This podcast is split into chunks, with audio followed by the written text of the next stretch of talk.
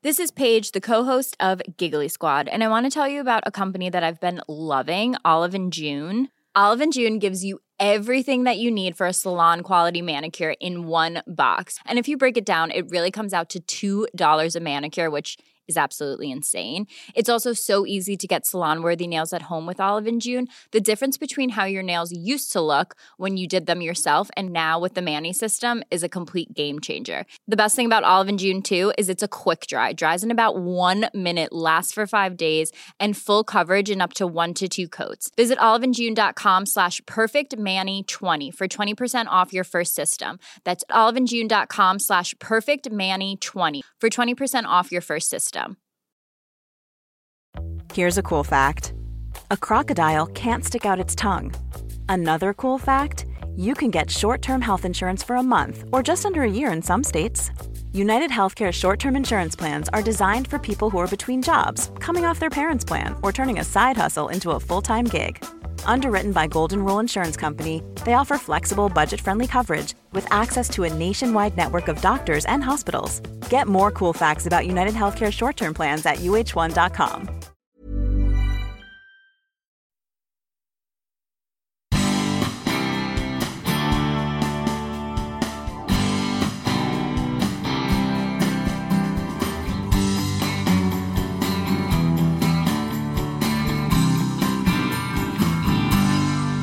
Jag, jag berättar aldrig menyn oavsett om det är kungen eller vem det är. Utan jag frågar om de har allergier och sen gör jag det. Och de köper det. Däremot det gamla gardet som kommer ut, tar upp en beställning, kommer med bricka, linneservett, det är en schysst gin och tonic, presentera. Ta inte glaset med händerna över där jag ska ha munnen till exempel, så här. Utan de tar den i foten. Alltså det, det, det är ju kunskap. jag är så trött på det där att de inte har kunskap. Det, det gör mig förbannad. Jag, jag, eh, säger så jag är inte rik, men jag är berikad. Eh, det är viktigare för mig. Eh, jag brukar säga jag kör inte Bentley, men å andra sidan så brukar jag säga jag har inte någon parkering med Bentley heller. David Enmark hämtade mig med båt vid Lidingöbron och vi tog den korta turen ut till Tranholmen där han bjöd på lunch. Medan han rörde i grytorna så såg jag mig om i köket och konstaterade att det inte är jättemycket större än mitt eget. Likaså vardagsrummet, det är möjligen lite större än hemma i villan i Lerum. Ändå serverar han här närmare 50 vilt främmande gäster varje fredag. Och det är inte fryst pyttipanna från Felix direkt, utan fine dining på absolut högsta nivå. Det blev torsk med äggsås till lunch. Bästa jag ätit någonsin. Och då gillar inte jag ens torsk med äggsås. Vägen till David at Home, som konceptet heter, har inte varit rakt direkt. Svetsare, inredningssnickare i Australien, asfaltarbetare och värdetransportör är några av de titlarna som finns på CVt. Vi pratar en hel del om dagens krogvärld, jakten på pengar och avsaknaden av yrkesstolthet. På slutet så får du veta hur man steker den perfekta köttbiten, vilka ägg som är mest lättskadade och hur man rengör en gjutjärnspanna. Dessutom får du veta vad Davids nästa projekt är. Kaffe och macka. Innan vi börjar. Vill du lyssna på avsnitten före alla andra och helt utan reklam? Ja, men då gör du som Åke. Då går du in på patreon.com spannandemoten och tecknar dig för ett abonnemang. Tack för att du vill bidra till fler spännande möten. Här kommer en av Sveriges absolut bästa kockar.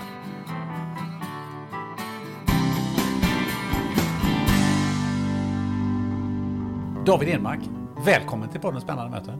Tackar, tackar. Det ska bli väldigt spännande. Visst ska det bli spännande. Vi börjar med eh, en av de mest spännande sakerna. Du får berätta, var är det vi sitter någonstans? Ja, det är vid vårt köksbord på Tranholmen. Eh, ja, det är köksbordet. Men vad, vad, är, vad är Tranholmen? Eh, Tranholmen är en ö som ligger eh, mitt i Stockholm. Eh, mellan Lidingö och... Ja, passerar man, eller kör man över Lidingöbron och tittar vänster så ligger det en liten ö där som heter Tranholmen. Mm. Här har vi bott i 20 år och vi har bedrivit restaurang ett par timmar i veckan i... Vi är inne på vårt tolfte år. Så I att, eh, ert hem? I vårt hem. Och det här är det riktiga köksbordet. Alltså, vi har, jag måste ju börja med att säga att vi har ätit en fantastisk lunch. Ja, men tackar. Vad är det, vad är det vi har ätit? Eh, torsk med äggsås och kokt potatis från Gotland. Ja, och det låter ju som sådär, torsk med äggsås, det kan jag få vilken lunchrestaurang som helst. Men jag måste säga, det, det här var den absolut bästa, bästa torsk med äggsås som jag har ätit i hela mitt liv. Ja, det tack så mycket. det värmer. Men vi- sitter ju hemma hos, eh, hos dig i eh, köket vid ditt köksbord. Men eh, eh, normalt sett så har du ju liksom inte bara två gäster där direkt. Nej, vi... Det låter helt sjukt, men vi är brandade för 50 personer av eh, brandmyndigheten, om det nu heter så. Eh, så att vi, en vanlig fredag, vi hade 43 pers i fredags. Vi har öppet eh, varje fredag för privata och sen har vi en till två dagar i veckan för eh, företagargrupper och så. här. Men fredagar är ju de dagarna som man brinner, eller brinner, men de är mer live. Eftersom du har ingen aning. Det väller in 40-50 pers runt våra köksbord. Nu låter det som vi bor i en jävla jättevilla, men det gör vi inte. Du vet ju, du har ju sett ugnen. Ja, hur stort är det här egentligen? Kan du, har du någon koll på hur många kvadratmeter det är så för de här 50 personerna? Ja, det är kanske köket, det är ganska stort kök. Men vi säger att köket är väl kanske 30 kvadrat och så den där 25. Så att det, man får en kvadrat per skalle. det är ganska bra. Ja, jag kan ju säga så att köket är ju inte, det är inte jättemycket mer utrustat än vad jag har hemma. Nej, men det är ju också tanken att det är ett hemmakök. Det är ingen restaurang det här, utan det är, däremot så blir det en restaurang ett par timmar i veckan. Men det, USPen är ju hemma. Det ska vara hemmagrejer. Det, det får inte vara restauranggrejer. Och det här gillar ju folk, det är hyfsat populärt. Ja, det är galet.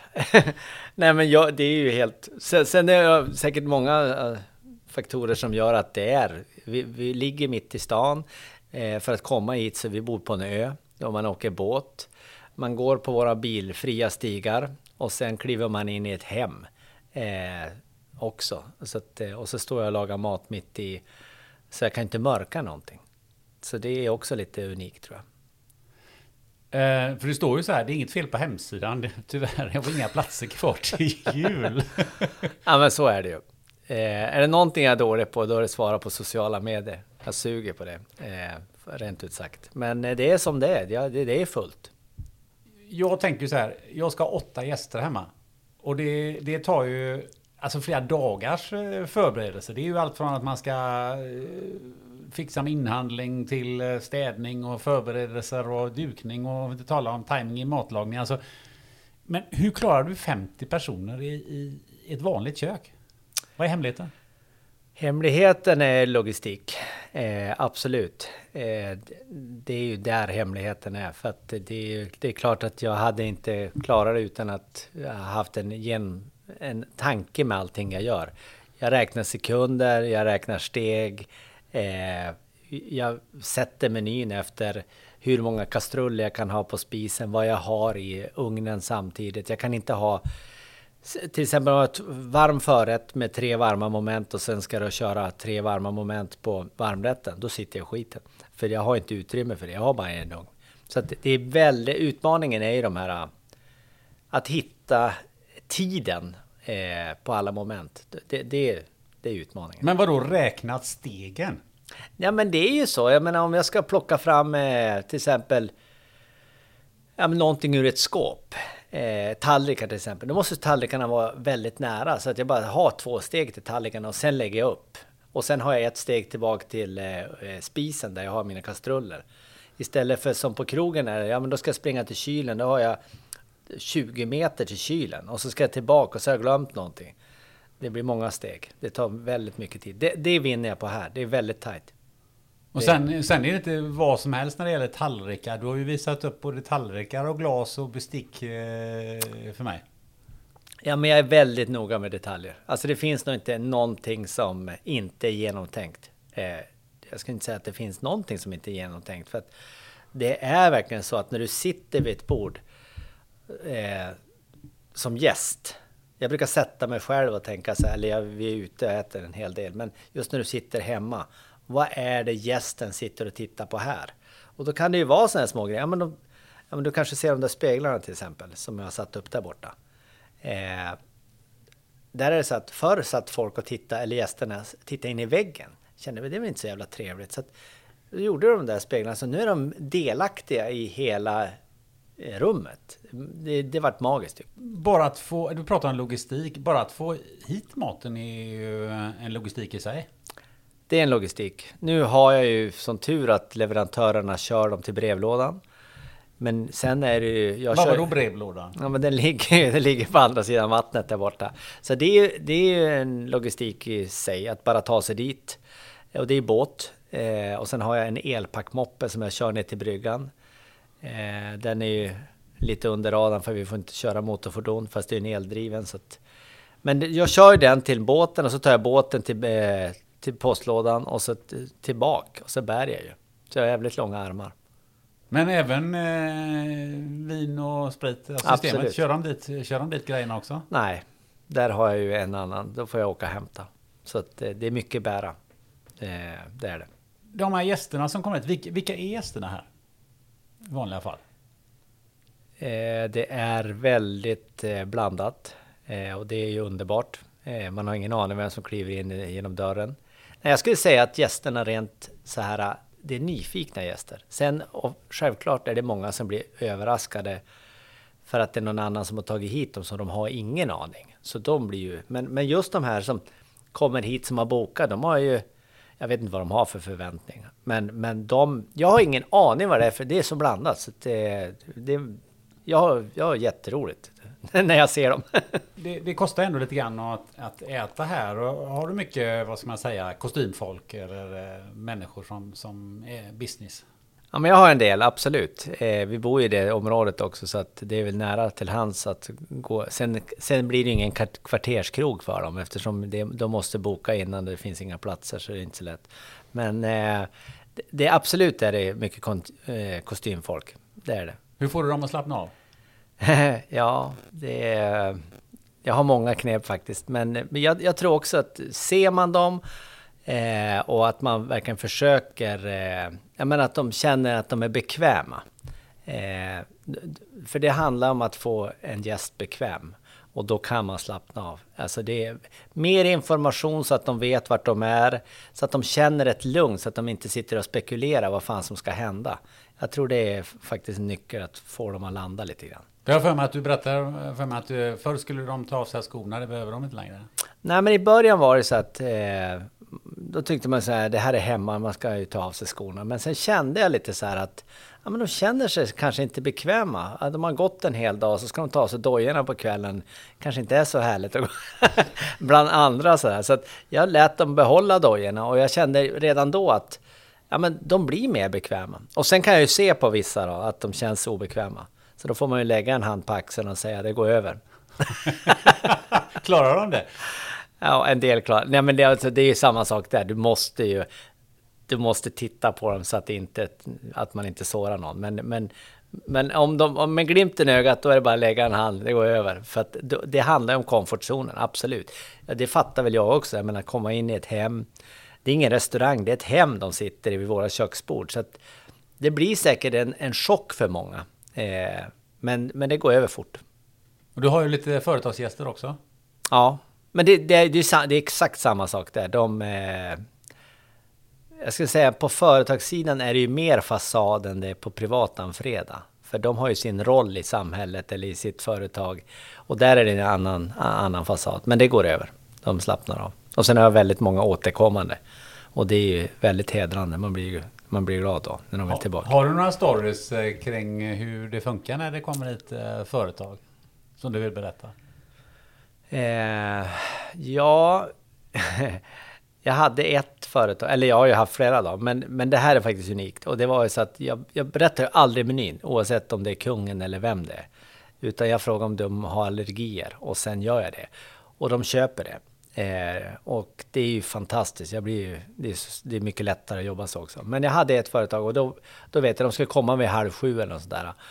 Och det dyker upp en snubbe två timmar innan och frågar om jag ligger i fas. Och. Jag vad fan gör du här ungefär? Så här. Eh, och då visade det att han var brand manager för det här bolaget och ville säkerställa att jag låg i fas innan styrelsen kom. Och det var ett företag som höll på med drycker. Han hade ganska bra viner med sig, så jag sa det är okej. Okay, så, så vi, Han fick stanna. du får ju beskriva lite, vad är, vad är det du serverar för mat här? För det är ju inte husmanskost direkt. Nej, men jag, Eh, jag brukar säga att det är riktig mat. Eh, jag lagar mat från grunden. Jag gör mina egna fonder. Jag lagar fransk mat. Jag förädlar eh, smakerna. Jag blandar inte, som jag säger, utan jag, jag, jag gör grejerna eh, från grunden. Och det är också en trovärdighet när jag står vid spisen sen. Eh, att om någon frågar vad jag har gjort så vet jag vad jag har gjort. Jag har inte köpt en fond för då vet jag inte vad det är i den. Eh, det är mycket sådana grejer också. Så allt är från grunden som du gör? Allt är från grunden. Sen är, är absolut så finns det vissa grejer jag köper. Men eh, då måste jag veta, eller varför jag köper dem, det är för att jag inte har tid. Eh, det kan vara någonting som har hänt under dagen så att jag hinner inte göra eller någonting som har gått åt helvete. Då, måste jag ju också köpa någonting. Nej men det är mycket sådana grejer. Men, men jag, absolut, som du ser nu så står jag och kokar kycklingfond. Och det gör jag bara för att då vet jag att jag vet vad jag har i den. Då, då, tillbaka till det här med allergierna också. Då vet jag, jag kan stå för grejerna när de kommer. Men i dagens eh, matlagning så köper ju väldigt många färdigmat ute på, i, i, butiken eller så köper man halvfabrikat och, och, och sådär? Mm, det beror nog bara på tid. Alltså det, det är ju så, vi har ju ingen tid. Allting, vi jagar ju bara. Och helst i den här stan, Stockholm är ju är bedrövligt. på norrländska. Nej men vi jagar ju bara och det, det, där blir väl mer och mer. Eh, det handlar om att effektivisera tiden man har. Eh, oavsett om man är barnfamilj eller om man är i karriär eller så vidare. Det handlar ju bara om tid. Och där kommer den här... Eh, jag tror att många, eller väldigt många är matintresserade. Eh, väldigt noga med vad de stoppar i sig. Men det är fortfarande, de ska göra det och de har inte tiden. Men tar det så himla mycket längre tid egentligen om man planerar?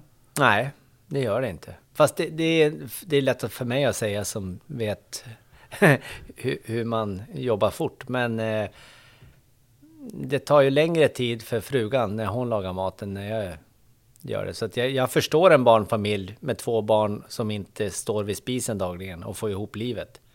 Att man kör genvägar. Hittar du på recepten nytt varje gång eller hur funkar det? Jag försöker, jag säger försöker, men eh, min plan är att köra månadsmenyer efter säsong. Så att eh, idag är det Idag är det hummerpremiär, så att idag får man börja eh, köra hummer. Så att nu på fredag, då blir det hummer till förrätt. Och sen, eh, ja nu kommer ju löjrommen snart. Eh, det är klart, jag, jag kör ju efter säsong. Eh, sen är det väl, jag tycker ju att den sista fredagen i månaden tycker jag att jag är mest nöjd. Då har jag väl, då har jag väl tränat tillräckligt. Men hur länge har du hållit på med det här? Ja, men nu är vi inne på vårt tolfte år. Så att nästa år, den, 2013, så är, ja, då, är det, då är vi inne på vårt trettonde år. Det är helt sjukt. Och 25 000 gäster på köksgolvet. 25 000 gäster? Ja. Vad, vad, har, fru, vad har frun och, eller familjen sagt över tiden? Ja, utan deras eh, tillåtelse eller vad man ska säga, hade det ju aldrig, då hade jag aldrig fortsatt. Det var ju så att för 12 år sedan så hade jag det här som ett projekt, sa jag till Katta, det är frugan. Eh, att eh, vi kanske ska prova få alkoholtillstånd vid köksborden. Och det var på den vägen det var. Så att jag bjöd hit alla instanser för att få det här tillståndet. Det var, det var då brand, brandare också. Och eh, det var, det var den stora utmaningen att få alkoholtillstånd vid köksbordet. Varför eh, var det svårt? Nej, men det, hade, det var ingen som hade gjort det. Så att jag var ju, jag var ju först där att få det där. Och så det, det, det var ju det jag sa till frugan, att det, det vore jävligt roligt. Och eftersom jag tycker om att driva grejer så var det en av grejerna. Så körde jag ett år och där hade jag lagt ut över 30 000 i fasta avgifter bara till tillstånd. Och då sa jag till katten, men nu har jag kört ett år. Och hon bara, nej men är du inte klar nu? Men jag har ju lagt ut 30 000 på fast, kan vi inte köra ett år till? Och sen vart det ett år till. Och det gick inte heller med vinst då. Men, men jag fick henne att köra. och då var ju inte barnen så stora. Eh, så de har ju varit med en del i det här hela tiden.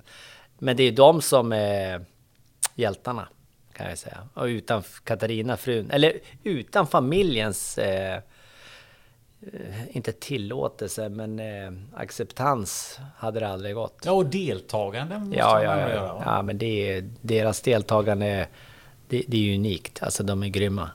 Det var... Var, på vad det. sätt har de deltagit? Nej men de... Entreprenörskapen är ju en del. Att de har lärt sig ja, men att förstå och läsa av en kund eller gäst, i det här fallet är det en gäst, att deras behov innan du kommer in och när de kommer in.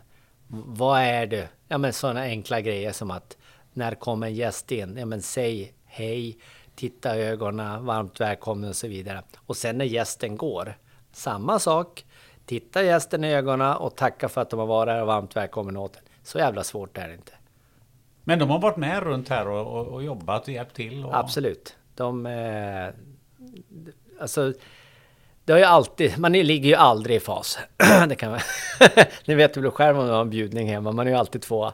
Eh, och det är väl samma sak här. Även om vi ligger i fas, du måste ju ligga i fas om du har 50 gäster. Men det kan ju vara såna här grejer, man vill göra så mycket på slutet. Och då blir det som så här, men du, eh, har du kollat grusgången? Har du krattat det där? Har du öppnat dörrarna? Har du, eh, är det musiken på? Är ljusen tända?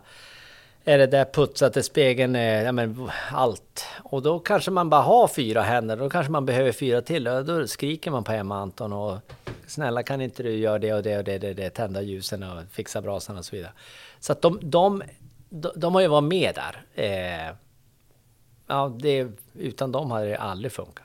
För det där känner jag ju precis igen. Just det där. Har du tänt ljusen? Har du gjort de här? Och det sker ju alltid på marginalen alltså. Ja men det är ju sådär, och det, så är det ju på restaurang eh, med mat också. Du kan ju inte börja för långt innan. Jag menar, du, ett, ett, jag skulle ju säga så att jag tycker det är snyggare när ett ljus är nytänt. Än när, om du kommer in i en lokal och att det har brunnit ner och du ser massa stearin. Då vet du att de har tänt det för flera timmar sedan. Det var ingen energi nedlagd där. Det är samma sak med mat. När, när gästerna kommer får det inte synas någon mat framme. Utan man plockar fram mat. Du får aldrig ställa mat på bordet och så vidare, för det är inte hygieniskt. Du, du serverar fram mat. Eh, det är sådana små grejer. Byggde du det här huset med tanke på att eh, här ska bli restaurang? Absolut inte. Eh, man, det är många som tror det eftersom vi har så stor diskbänk och... Nej, men det är ju väldigt bra för, för det vi gör, ändamålet. Men nej, nej, det var inte, det är absolut inte tänkt. Men jag hade en eh, cateringfirma innan och man var alltid var inspirerad av restaurangkök och byggt kök och sådär. Så att när vi byggde det huset, jag och pappa, så det var inget snack. Vi hade inget vardagsrum, det var ett kök. Alltså det är köket som vi är i. Så att det är en stor diskbänk. Jag tror den är fem och en halv gånger tre meter i vinkel. Men som sagt var, eh, köket är inte jättemycket större än det jag har hemma. Diskbänken är något större, det kan jag hålla med om. Men... Den är väl den enda som är skillnaden, att det är mycket yta. Och det är det som många säger. En, en, ett kök är, det är ytor som saknas. Och det här är bra ytor. Nej, men det är ju vanligt kök. Det är inte så jävla stort. Men alltså, nu har du hela nedervåning som, som en restaurang. Vad, hur stort är resten av huset? Vi har en övervåning. Där är, har vi då byggt en, en toalett. Det var inte det när vi startade. När vi startade det här hade vi en toalett. Och då var ju sonen var ju, spelade ju fotboll. Tränade jättemycket. När han kom hem så var det ju alltid någon som var på muggen. Så han fick ju stå och vänta. Och det slutade med att han, han eh, var ju obstinat och så gick han in och så duschade han i 20-30 minuter. Så när han kom ut så var det som en bastu, fillingarna på golvet och så gick han. så att eh, efter fem år, då sa han så här, eh, om, eh, eller jag frågade om jag fick fortsätta, så här, men, men jag har inte ens en egen toalett, sa han. Men så, så här, om, om vi bygger ett, ett så här attefall eh, och så får du en egen dusch, kan jag fortsätta då? Ja. Så då byggde vi det där attefallshuset och så byggde jag den där samtidigt, den här lilla tarmen. Det är det enda vi har gjort sen, sen vi startade. Men, men då fick jag fortsätta för han, han fick en egen toalett och dusch. När du startade här, när du kom på den här idén, vad var det som lockade dig att att göra just det här? Ja, lockas... För du har, du har, ja. du, vi kommer in på det kanske ja. sen då. Du har ju en bakgrund i, i, i krogbranschen och, och, och som inom restaurang och kock och så vidare. Men så kom jag på idén att man ska laga mat och servera det hemma. Alltså idén kom, den kom nog bara så från ett magasin när jag läste om eh, Kuba. Och på Kuba så läste jag om att man kunde ha, de drev krog hemma. Det kallades Paladar, eller kallas Paladar. Och jag tänkte säga, men det är ju ingen som driver krog hemma. Men de har ju ett annat syfte och det är ju att överleva där. Det, det, där är det verkligen svart. Vi har varit på Kuba det är svart eller vitt där. Fantastiska ställen. Så jag tänker så här, det borde man kunna göra här hemma också. Så det, det var ju där det kläcktes. Sen hur, det, hur resan skulle ta form, det hade jag ingen aning om. Eh, jag är fortfarande i chock tror jag, hur det har tagit form. Men eh, ja, fan, ja. Fanns det någonting som lockade dig så att ja, men jag tar hem gästerna hit? Nej.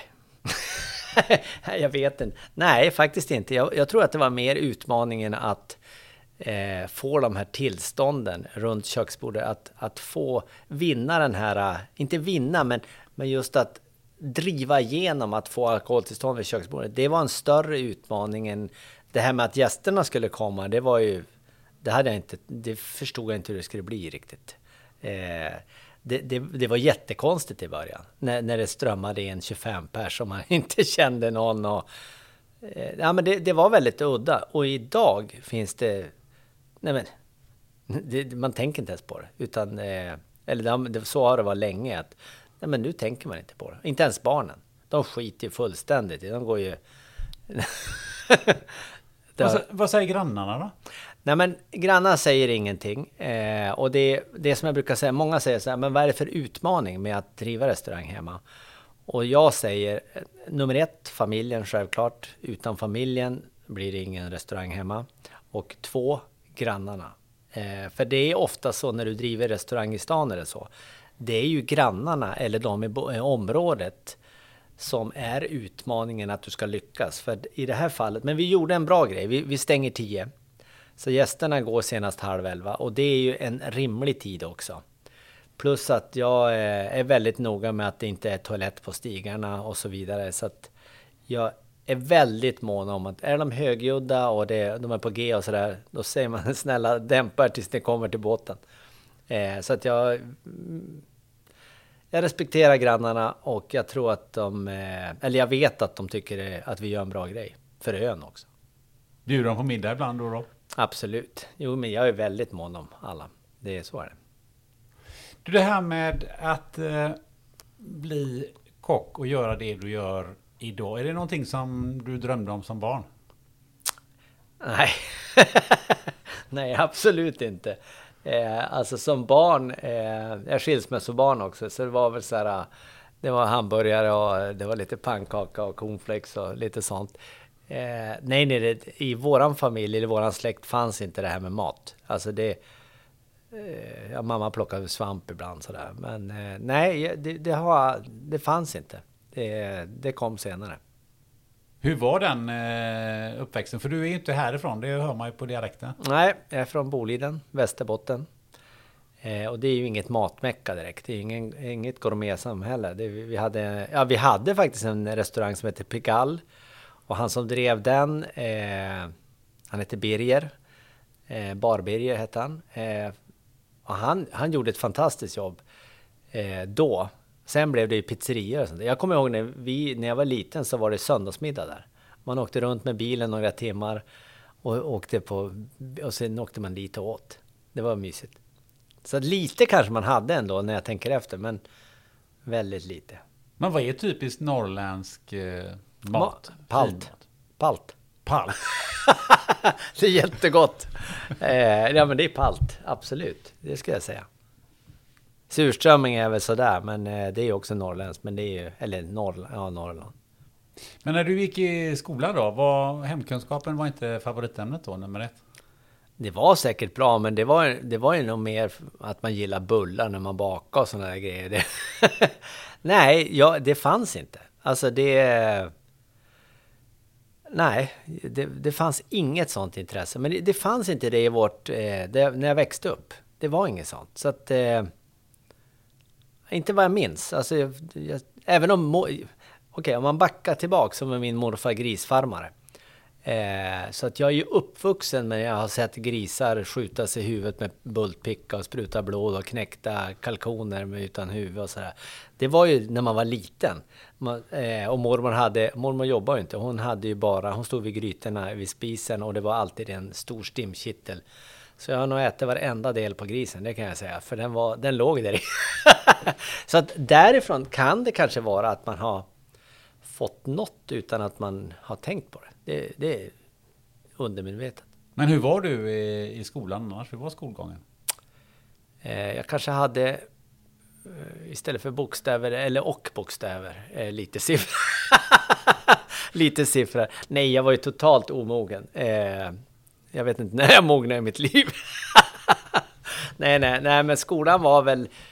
Eh, nej, men det var inte min grej. Kanske som många andra. Det var jätteroligt med skolan, men jag var ju totalt eh, ointresserad. Det var ju bara att komma in på lektionerna och försöka komma ut eh, och sen, jag, jag, kan ju berätta en grej att eh, om mina lärare nu hör, så att det här är ju faktiskt rätt roligt. Jag har varit eh, avstängd från åttan, nian i engelska. För att jag var lite för stökig. Och det kan jag ju tänka idag, hur fan kan man få stänga av en elev i engelska åttan, nian? Eh, så ni som stängde av mig, ja, men för mig är det helt, alltså, det måste ha funnits en bättre läroplan än att stänga av en elev. Faktiskt. Vad gjorde du istället då? Jag åkte till Australien och tog privatlektioner i engelska. ja, men inte medan du gick i åttan och nian väl? Nej, nej, nej, nej, men då vet jag då fick jag gå någon eh, fotokurs eller något sådär. Det var helt, så, så här i efterhand var jättekonstigt. Men det var ju en annan tid. Det här var ju, jag är ju född 65 så att eh, det här var i slutet på 70, början på 80-talet.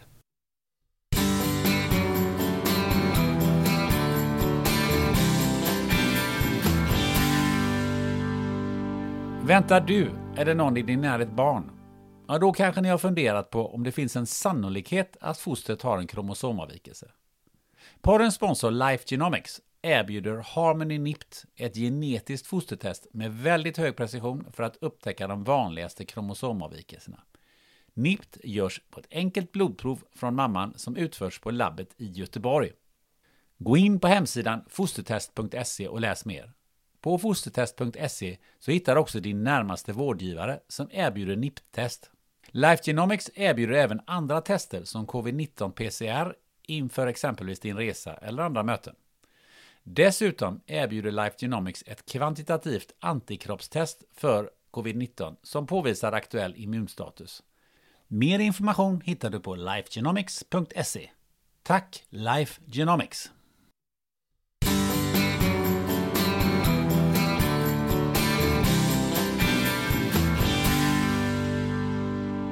Någonstans har jag hört att du hör på rätt mycket med skateboard. Det måste vara hyfsat udda i, eh, i Boliden. Ja, det är, jag ska inte säga att jag har på så mycket med skateboard. Men jag hade, eh, jag tror jag hade min första skateboard. Och den eh, enda faktiskt. Men den hade jag nog, jag tror att det var 75. Eh, och det var ganska tidigt då. Jag blev aldrig bra. Men eh, jag vet att jag hade, jag var nog först som hade den då. Och sen började jag åka rollerblades. Men det gjorde jag mycket, åka mm. rollerblades. Men det kan du måste också varit hyfsat ensam om det? Eh, vi var några stycken som gjorde det, eh, men vi var inte många. Men sen åkte man ju slalom. Eh, det var ju det. Vi hade ju en slalombacke en bit ifrån och den, där var man ju fem, sex dagar i veckan. Alltså det var ju på vintern då. Annars var det ju på sommaren var det ju. Det var mycket rollerblades faktiskt. Men eh, slalomkarriär var aldrig aktuellt? Ja men det var nog aktuellt eh, faktiskt. Sen var det väl andra grejer som tog över när man började högstadiet. Eh, en klassisk grej kanske, att man ändrar inriktning. Men nej, men jag åkte skidor fram tills jag började högstadiet. Eh, och var väl ganska hyfsad. Tävlade ja, i slalom. Det var roligt som fan. Eh, jag, jag tävlade Eh, på den tiden fanns bambukäppar. Idag är vikkäpparna, men då var det bara bambu som man eh, borrade ner och slog. Det var lite häftigt. Man lite hade, Stenmarkstiden? Det var, jag tävlade faktiskt i samma tävling som Jan-Erik Stenmark, eh, Stenmarks lillebrorsa ett par gånger. Han är ett år äldre än mig tror jag. Så att, nej, det var på riktigt. Men vad hände nian då? Eller, eller vad hände på högstadiet? Nej men då var det, det var ju andra grejer som kom. Det var ju tjejer och det var annan typ av eh, träning och sådär. Så att eh, då slutade jag med, jag började tyngdlyfta. Eh, så tyngdlyfte hela... Eh, det, det, var så i Boliden, man, man höll på med styrkesporter. Eh, lite grann. Så det, det, det, det, det vart nog högstadiet. Eh, faktiskt. Vad hände sen då? Sen efter högstadiet, oh, jävlar, vad, vad hände sen då? Eh, nej men det var mycket idrott för mig. Jättemycket idrott. Eh, jag, jag tävlade i, i allt från ja, löpning till badminton, höll på med boxning ett tag, men det var mycket tyngdlyftning. Eh, och sen när jag hade gått ut eh, högstadiet så skulle man då välja till eh, gymnasiet. Och då satsade, då tyckte jag så här, frisör det vore ju jävligt roligt, det är kreativt, eller inredningssnickare. Men du vet, det var ju så sjuka betyg på det där. Så den här syokonsulenten bara, ska, ska se vad David kan bli? Så det blir svetsare för din del. och jag, var ju, jag, har ju inte tummen mitt i handen, men det var inte riktigt det som jag eh, ville bli. Men eh, jag gick en svetsarutbildning på två år. Och det är jag väldigt glad för idag. Eh, jag hade en jättebra lärare. Eh, Wolok hette han. Eh, nej men han fick ju hyfs på en. Alltså det var ju, det var ju på riktigt. Eh, så den gick jag.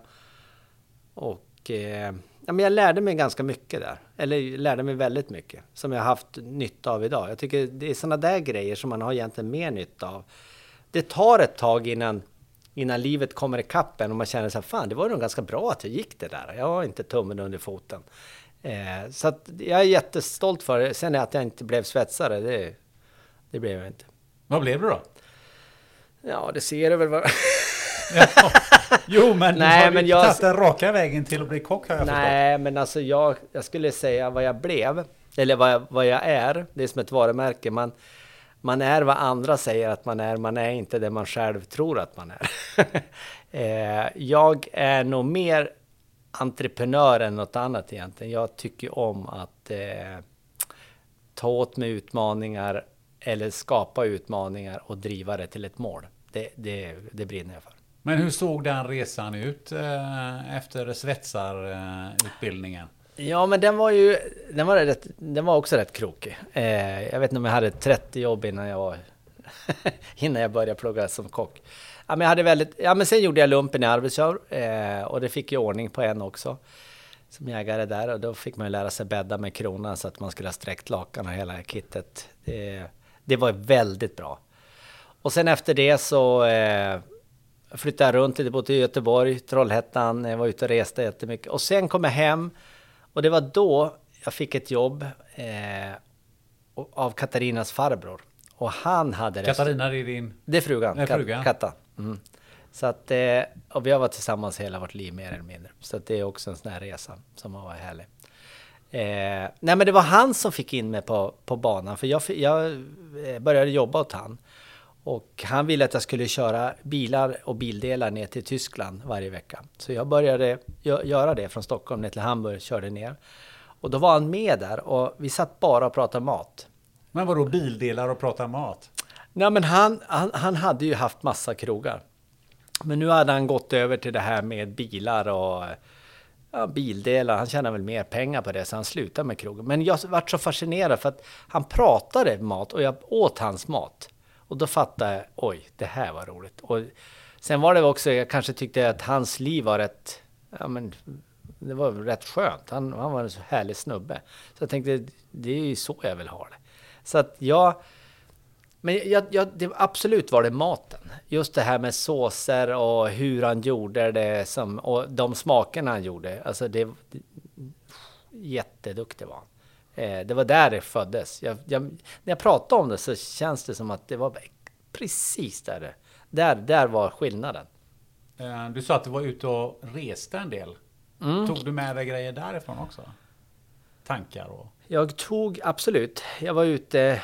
Eh, vi köpte enkel biljett till Pakistan. Eh, nej, till Indien via Pakistan. Eh, vi var fyra killar, var ute och reste 11 månader och sånt där. Eh, och jag ska säga att jag tog med mig mycket av, eh, inte kanske mat, men eh, just det här med hur man är mot människor. För jag, eh, när jag kom till Australien så började jag jobba som snickare. Eh, konstigt nog, men jag var snickare och så eh, jobbade åt en dam där som jag fick bo i hennes eh, rivningshus. Jag bodde där på en madrass mitt i ett eh, område där i Sydney, jävligt konstigt. Men så kom hon en dag eh, och eh, tittade till det huset och stannade kvar några veckor. Och den kvinnan, Isabel Gidley, jag har försökt nå henne sedan dess. Så är det någon som vet vem det är så får ni hojta. Eh, men hon gjorde skillnad i mitt liv på hur man tar folk. Eh, jag tror det är fan hon som har uppfostrat mig i social kompetens brukar jag säga. Nej men hon var magisk. På vad sätt då?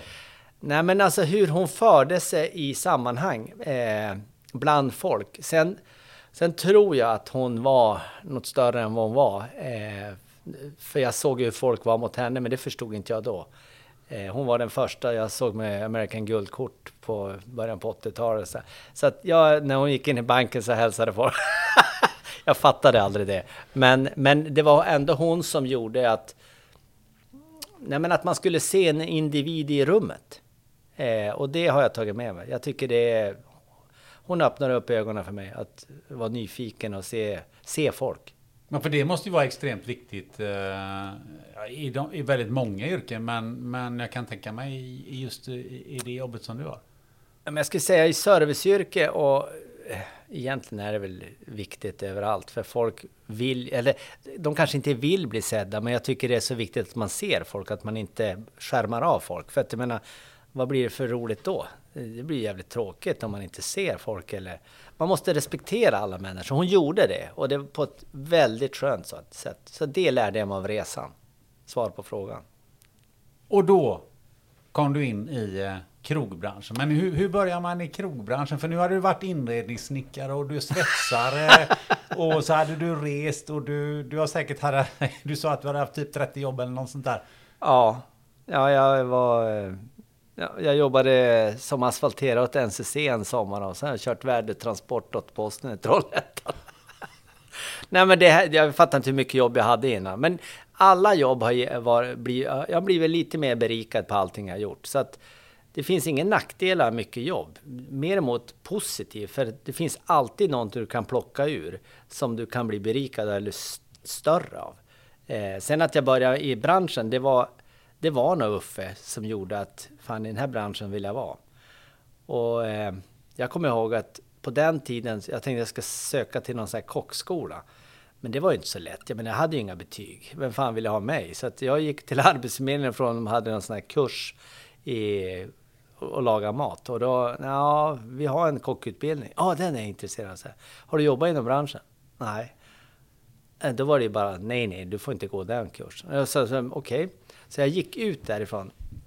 Eh, och så, jag kommer ihåg att jag såg någon skylt bara lite längre bort, så här, lunchgro, eller restaurang stod det. Jag Tänkte jag går upp där och kollar om de har något jobb. Så jag gick rakt upp och frågade så här, har ni något jobb? Ja, vad söker jag? kock. Jag hade ju aldrig varit. Har du jobbat som kock? Nej, nej men det, det har vi inte. Vi har diskare.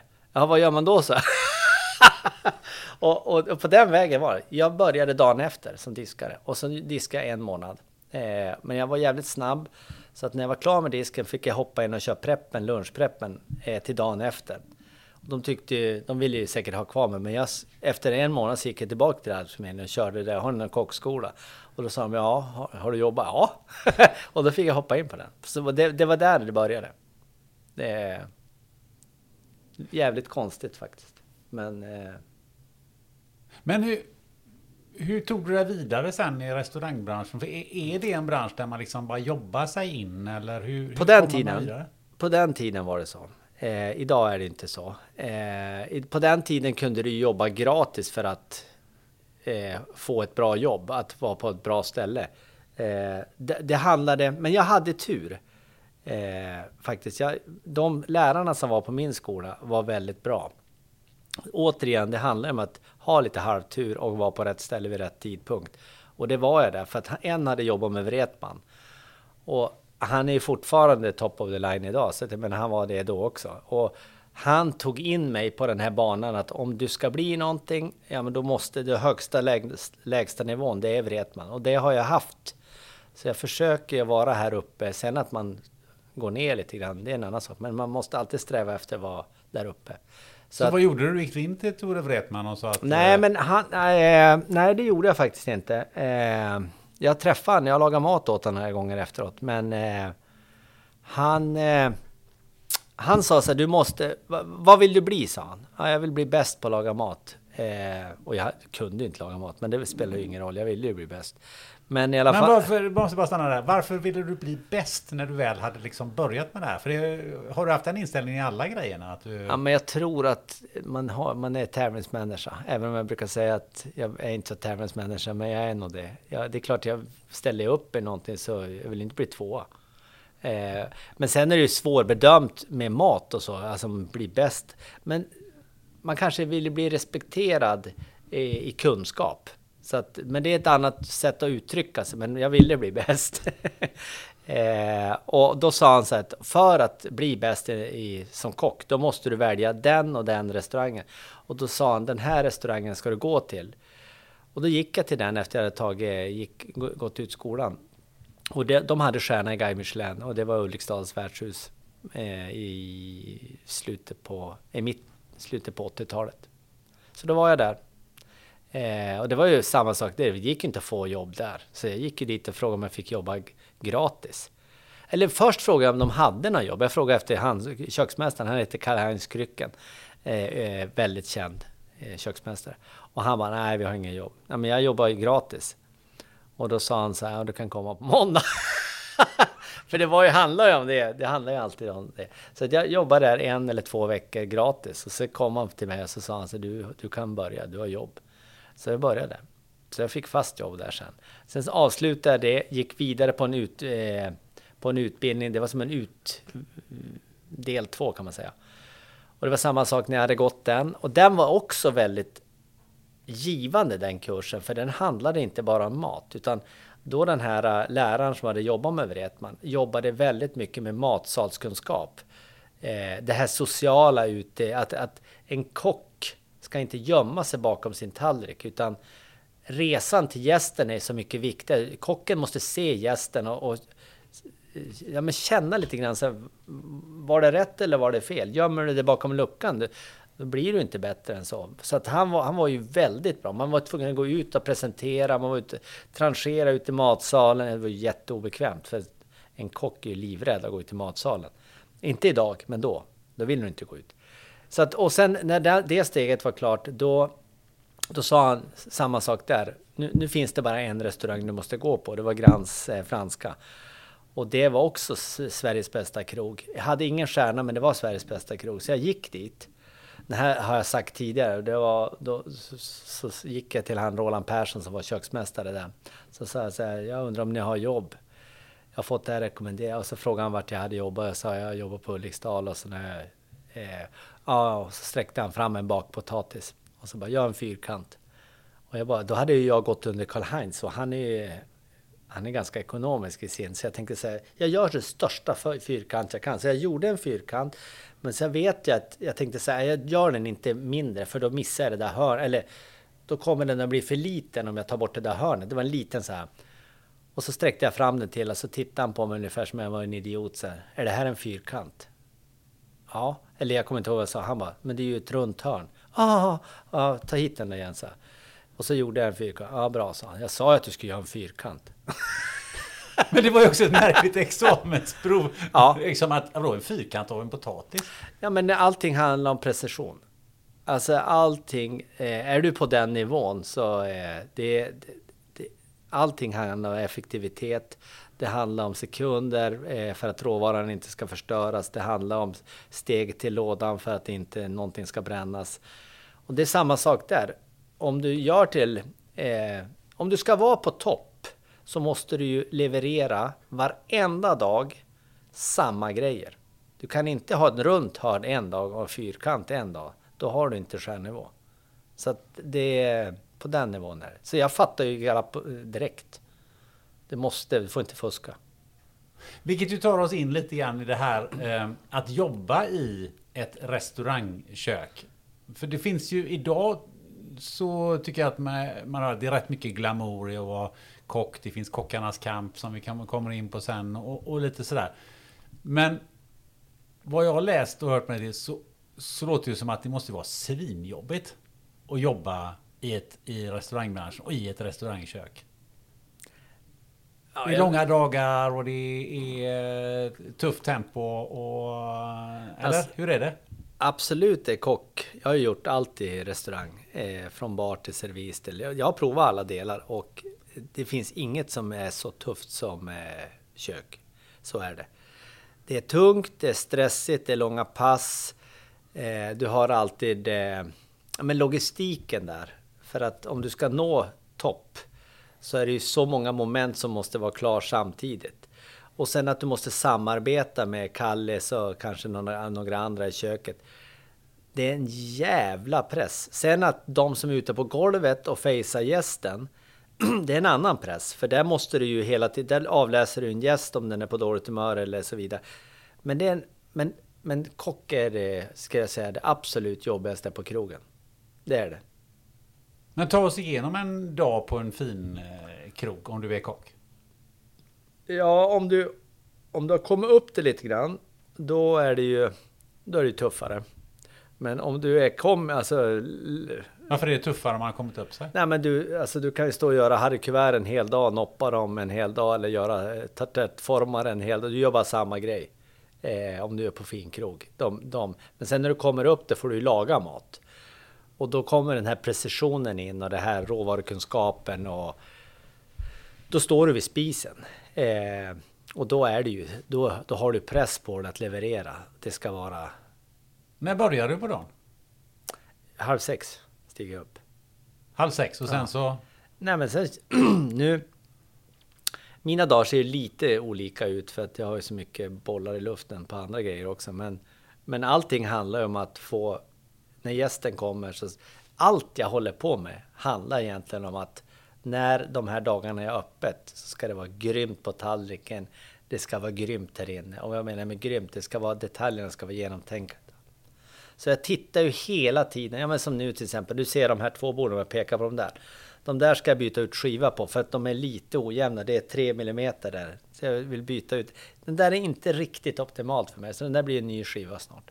Men vad gör du från klockan sex på morgonen då? Säg att du går upp klockan sex på morgonen nu på fredag när du ska ha Nej, dina men... 50 gäster. Vad, vad liksom, hur ser dagen ut? Eh, om jag inte haft någonting dagen innan, då, då börjar jag med att titta på PMet och kolla att alla svarar. Gå igenom alla 40-50, titta allergier eh, och sen eh, Ja, men sen börjar jag duka. Jag sätter upp alla bord och där är ju också så här, du, som du ser, det är lite olika konstellationer eller det är olika grupper av bord. Så att jag menar, det kan vara 15 sällskap här inne. Och då handlar det om att få eh, logistiken att funka bland gästerna. För sätter du det här bordet lite för långt ut, då, då, knock, då går stolarna ihop där. Då kommer inte jag kunna servera det där bordet. Så det är väldigt mycket sådana grejer som jag lägger krut på för att flödena ska funka när alla kommer och hur de kommer. Eh, så att den, den är den första delen. Och sen börjar jag laga mat, eh, åker och hämtar råvarorna. Fisk får jag ju där vid jag har ju fantastiska leverantörer. Jag kan ju ha grönsakerna halv sex på morgonen, det är inga konstigheter. Men sen kommer fisken kanske vid åtta. Har jag kött kommer den väl ungefär samtidigt. Så det är mycket så här bara åka fram och tillbaka till eh, parkeringen och hämta grejer fram till tio. Och sen är det bara choppa. Sen är det bara pannben. Fram till klockan är fem och så försöker man hoppa i duschen och pigga, eh, fixa till sig lite. Flexibility is great. That's why there's yoga. Flexibility for your insurance coverage is great too. That's why there's United Healthcare Insurance Plans. Underwritten by Golden Rule Insurance Company, United Healthcare Insurance Plans offer flexible, budget friendly coverage for medical, vision, dental, and more. One of these plans may be right for you if you're, say, between jobs, coming off your parents' plan, turning a side hustle into a full hustle, or even missed open enrollment.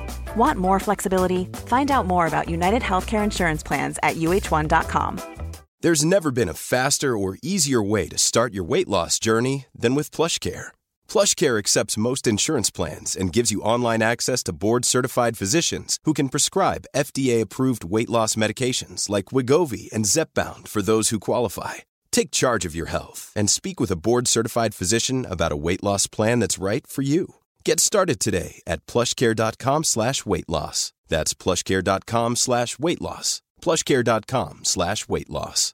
This is Paige, the co-host of Giggly Squad, and I want to tell you about a company that I've been loving, Olive and June. Olive and June gives you everything that you need for a salon quality manicure in one box. And if you break it down, it really comes out to $2 a manicure, which is absolutely insane. It's also so easy to get salon worthy nails at home with Olive and June. The difference between how your nails used to look when you did them yourself and now with the Manny system is a complete game changer. The best thing about Olive and June too is it's a quick dry, dries in about one minute, lasts for five days, and full coverage in up to one to two coats. Visit oliveandjune.com slash perfectmanny20 for 20% off your first system. That's oliveandjune.com slash perfectmanny20 for 20% off your first system.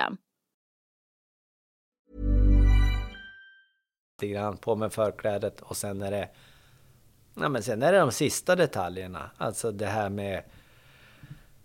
Eh, jag, jag, kan inte göra så mycket förrän på slutet. Alltså det mat handlar om det sista. Det är det som är skillnaden. Det är då man vill ha åtta armar. Det är då man vill ha åtta armar, absolut. och, nej, men det, då får man lägga in tvåan. Har man inte tvåan, då, då, då blir det inte bättre. Har du ettan, ja då kommer du inte längre. då, då sitter du fast. Och sen kör du då till, eh, ja men eh, gästerna kommer och sen så är du, kör du till tio sa du? Gästerna, ja gästerna går väl vid halv elva ungefär. Och sen så kör vi disk kanske en timme. Vi kör egentligen inte disk, utan vi bara sorterar upp alla glas. Eh, och du kanske har sett hur många glas det är. Vi kan ha... Vi kan lätt ha 200 glas en, en kväll. Lätt! och vi har ju en speciell glasdiskmaskin för dem. Men det är, de tar vi ju hand om dagen efter. Så vad vi gör det är att bara sortera upp dem i grupper. Vi diskar besticken en gång för att diska dem dagen efter en gång till. Man sorterar, först diskar man dem, sen sorterar man upp dem med huvudena uppåt. Sen diskar man dem första maskinen dagen efter för det är rent vatten. För bestick är det första du stoppar i munnen, det är hygien. Eh, det är samma sak med glas. Det sätter du munnen på, du måste ha en egen maskin så det är hygien. Men sen... Eh, ja men på kvällen, alltså man, ja vi diskar våra eh, knivar också. För de får jag inte köra i diskmaskin. Sen är det en kopp te eller en, en tallrik fil. Och så är klockan? Ja men de brukar vara halv tolv ungefär. Det är ju hemma hos dig nu men om du tittar på en vanlig eh, krog, ser det ungefär likadant ut om man eh, jobbar som kock där? Nej, absolut inte. Du har ju din roll, du har ju dina... Nej men då gör du en grej. Alltså det, det, det som jag brukar säga, jag har fyra hattar. Jag är marknadschef, jag är inköpschef, jag är kock och jag är transportansvarig. Men gör du allting själv här hemma? Ja. ja, jag ska inte säga ja, men eh, jag gör mesta del. Katarina, hon gör eh, blommor och hon, hon, hjälper mig, men, men resten gör jag själv. Alltså att du både lagar maten till 50 personer och serverar? Ja, men det gör vi tillsammans. Vi serverar tillsammans. Jag lagar all mat. Så är det. Ja, men hon, du har i alla fall en servishjälp så att säga. Absolut, nej, men utan henne hade det aldrig gått. Jag, jag säger att jag gör allt, just den delen. Jag gör, lagar all mat, men vi jobbar ju tillsammans. Så att på, på en fredag om vi dukar det, fort, det snabbaste vi kan för att jag ska ha två händer till. När jag till exempel, om jag har Ja men jag ska marka någonting, markera heter det, eh, 50 grönsakstorn. Då kan jag visa Katta ett och så gör hon 50. Eh, så. Så att eh, nu är hon ju, hon är inte kock men hon kan ju väldigt mycket. Så att utan henne är det alla klara. Vad är nedsidan? Vad är de vanligaste yrkesskadorna man har inom?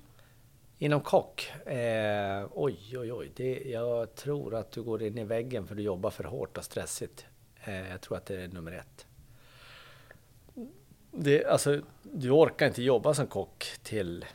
Eh, det är väldigt få som jobbar efter 50. Alltså det är för tufft. Det är för, det är för stressigt. Eh, jag börjar ju känna det nu. Jag följer ju 57. Eh, men jag, jag, har fortfarande glädjen kvar. Eh, och, och, jag styr det själv. Men jag brukar säga att det är skillnad mellan att vara kock och laga god mat. Eh, det har med bångmaskinen att göra. Jag, brukar, jag har respekt med för... Med bångmaskinen? Ja, men jag har, jag, jag har ingen bångmaskin. Eh, bångmaskin, då jobbar du på krog. Då jobbar du efter Eh, beställning. Så att när servisen tar upp beställning så kommer in en bång in i köket. Och där kan det vara två sjötunga, en kalv, en eh, marulk och så vidare. Det är bångmaskinen. det är ju press att jobba på det. Det är respekt till de som är grymma på bångmaskinen. Jag jobbar inte så. Jag styr ju eh, på ett annat sätt. Ingen vet vad de får. Jag måste bara leverera bra mat. Men det kommer ingen in som har den typen av blandning heller? Alltså, du har ju inte den beställningen. Nej, men jag har inte den, men, men den kräver ju samtidigt att det måste vara sjukt bra. För jag menar, de sitter ju här med enorma förväntningarna. Alltså, det är väldigt mycket restaurangfolk som är här också. Så det, jag, ja, hur känns det? Att ha mycket restaurangfolk här?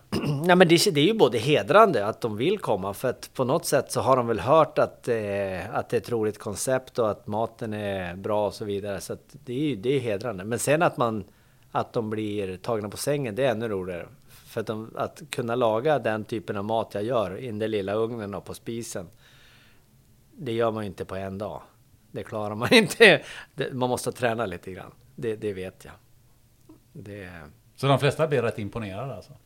Ja, men så är det faktiskt. Jag, är, jag tror att det tar många på sängen. Att just att det går att laga den här typen av mat och till så många. Med den där lilla utrustningen.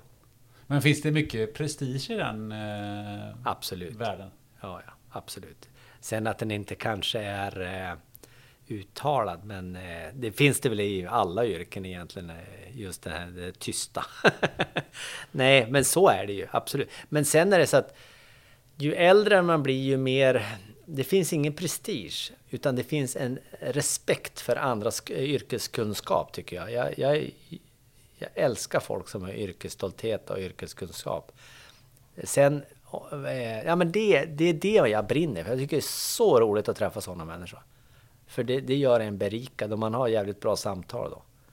Men vad betyder det här? Yrkesstolthet? Vad betyder det ordet? Ja, men om, om man tittar på... Eh, jag brukar säga som Italien, Spanien, Frankrike. När du ser eh, gamla män går på finkrogar i, och är väldigt stolta över sitt yrke. De ger allt hela tiden. Nu ska inte jag smutskasta den, eh, den här generationen som är på krogen idag, men Alltså det är ju inte roligt att komma in på en krog när du ska, måste böna och be och betala 250 spänn för en gin och tonic och så får du jävligt dålig service på den.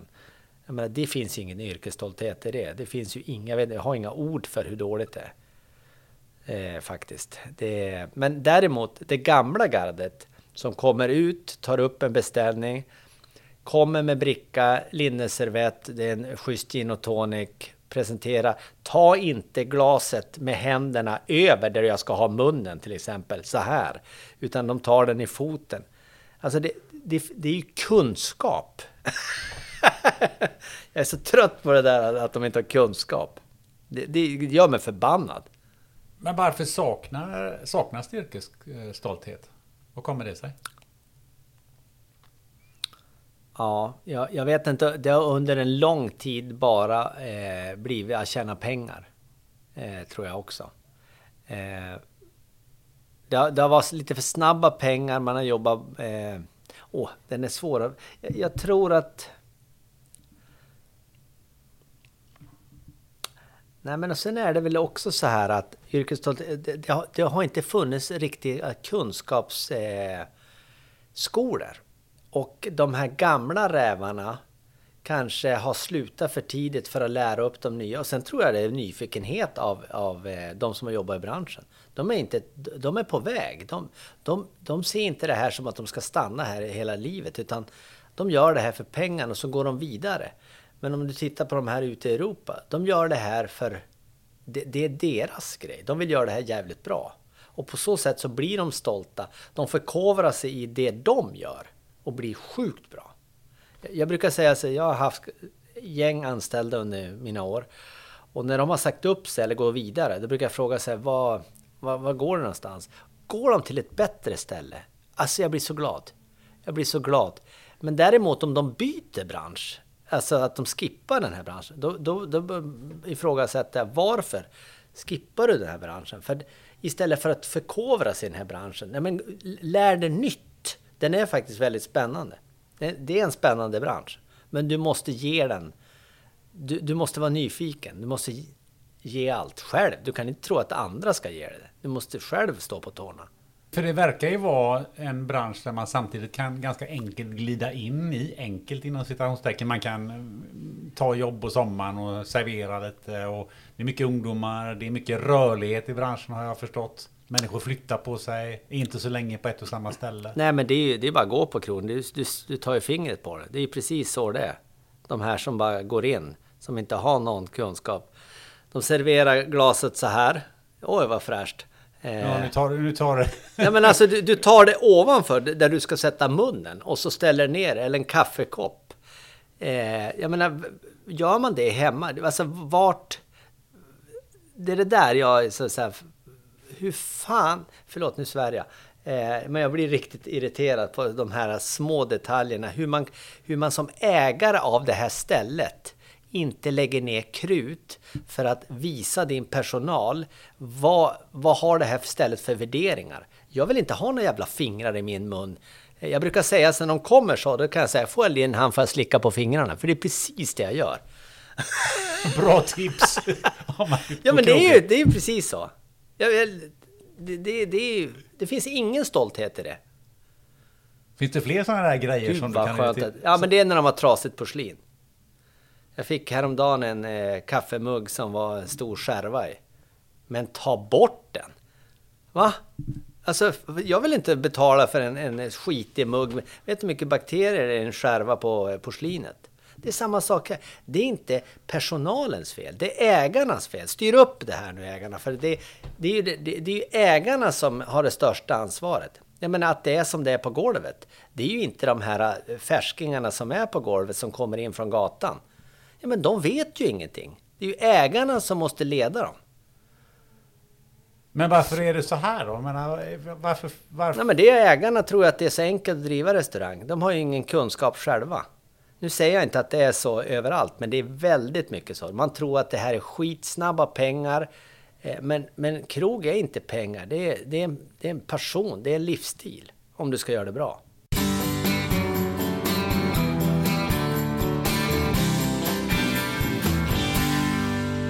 Den här podden sponsras av Life Genomics, ett kliniskt laboratorium i Göteborg som bland annat erbjuder covid-tester. Har du precis bokat en resa på kort varsel och behöver PCR eller antigentest för covid-19? Ja, då kan du gå in på coronapassport.se för att hitta en vårdgivare i din närhet och boka en tid för test och friskhetsintyg. Life Genomics har samarbete med kliniker över hela Sverige. Tack Life Genomics!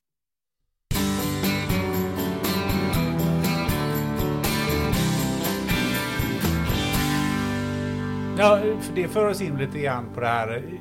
Hur, hur ser eh, förtjänsten och pengarna ut i den här branschen? En bar tjänar ju jättemycket pengar, absolut. Men det är ju inte så svårt att hälla upp eh, ur en färdig flaska som du köper. För du lägger ju inte ner något krut på att göra grejerna. Utan du, du häller bara upp och så debiterar du. Men om du tittar på en matrestaurang som har ambition. Den timkostnaden och den energin som är nedlagd för att få fram den här maten den är ju knappt så att den betalar den rätten som gästen betalar. Så det är ju en plus minus affär. Eh, så den, jag, jag, tror inte att många stjärnkrogar eh, har några jättefeta siffror på sista raden. Så det är dålig lönsamhet i det, absolut. Sen finns det ju, alltså det är klart du tjänar pengar, men det är en livsstil. Jag ska säga att det är mer en livsstil. Förutom de här som, eh, jag ska inte droppa några namn, men det finns ju då kedjor som jobbar med bara nattklubbar.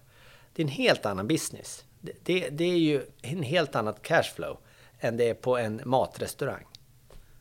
Så det, det är två skilda grejer. Så det är bara när man tjänar pengar på, men maten är svårt att... Absolut. Drycken tjänar du pengar på, maten tjänar du inga pengar på. Det är... Det är klart att snabbkedjor, alltså fast food-kedjor tjänar pengar. Men de har ju lagt en annan fokus på att massproducera, alltså de tittar på andra faktorer. Men en fin krog, det är så mycket kärlek bakom grejerna. I Göteborg i alla fall, jag vet inte hur det är i Stockholm, men eh, där har det ju uppstått eh, som sagt, konglomerat eller kedjor eller man, jag vet inte vad man ska kalla det för. Alltså det finns grupper, Avenygruppen till exempel ja, i Göteborg som ja. de äger typ en 8-10 restauranger. Är det, är det är det det enda sättet att få lönsamhet i det? För det är ganska mycket finkrogar. Eller chanserar det branschen? Jag känner några av dem som har det. Du behöver inte peka ut just nej, dem. Nej, men, nej, nej, men jag, vad jag vill säga att de gör det bra. Eh, de har ändå spridit, de har lite olika koncept. Eh, så att de tar ju en ganska, Göteborg är inte så stort, Stockholm är inte heller så stort för den delen. Men de sprider ju ut så att de får en större del av massan. Istället för bara ha ett bistro som är ganska smalt om du bara har franskt. Så att jag, jag tror i deras fall så har de nog tagit ganska mycket marknadsandelar och sen gör de det jävligt bra i Göteborg vet jag. Jag vet ju vilken grupp du pratar om, men de, de, de har hög nivå. Faktiskt. Det finns samma sak här i Stockholm. Här finns det ju kanske ja, fem, sex sådana grupper eh, som har x antal krogar och imperier. Eh, men de har ganska likvärdiga, eh, men de är, det är lite större så att det, väl, det funkar ju. Men får man någon sorts stordrift i det då? Absolut. Ja men det är ju så det funkar. För gör du en lönsamhetsgrej, du vill inte skatta bort det. Då investerar du det i nästa och så bygger du kapital. Eh, sen vet inte jag hur länge du kan och hur långt du kan. Jag vet ju flera som till slut så tippar det över, de får inte ihop det. Men, men, men just i början att expandera som alla gör, det är nog lönsamt istället för att skatta bort det. Plus att det är nog drivkraften från de ägarna också. Det är hatten av till de ägarna som orkar driva oss av. Men sen skulle jag vilja säga att de skulle egentligen stanna upp lite grann och titta en del av dem, en del är jätteduktiga, men titta vad som händer på golvet. För det är där gästen betalar pengarna. Om vi pratar lönsamhet, hur ser din egen lönsamhet ut? Ja, men jag har mallen, tycker jag själv. Eh, det, nej men alltså jag har ju jag har väldigt låga lönekostnader. Jag har ju typ två på så sätt och sen har jag ju en hyra som jag styr själv.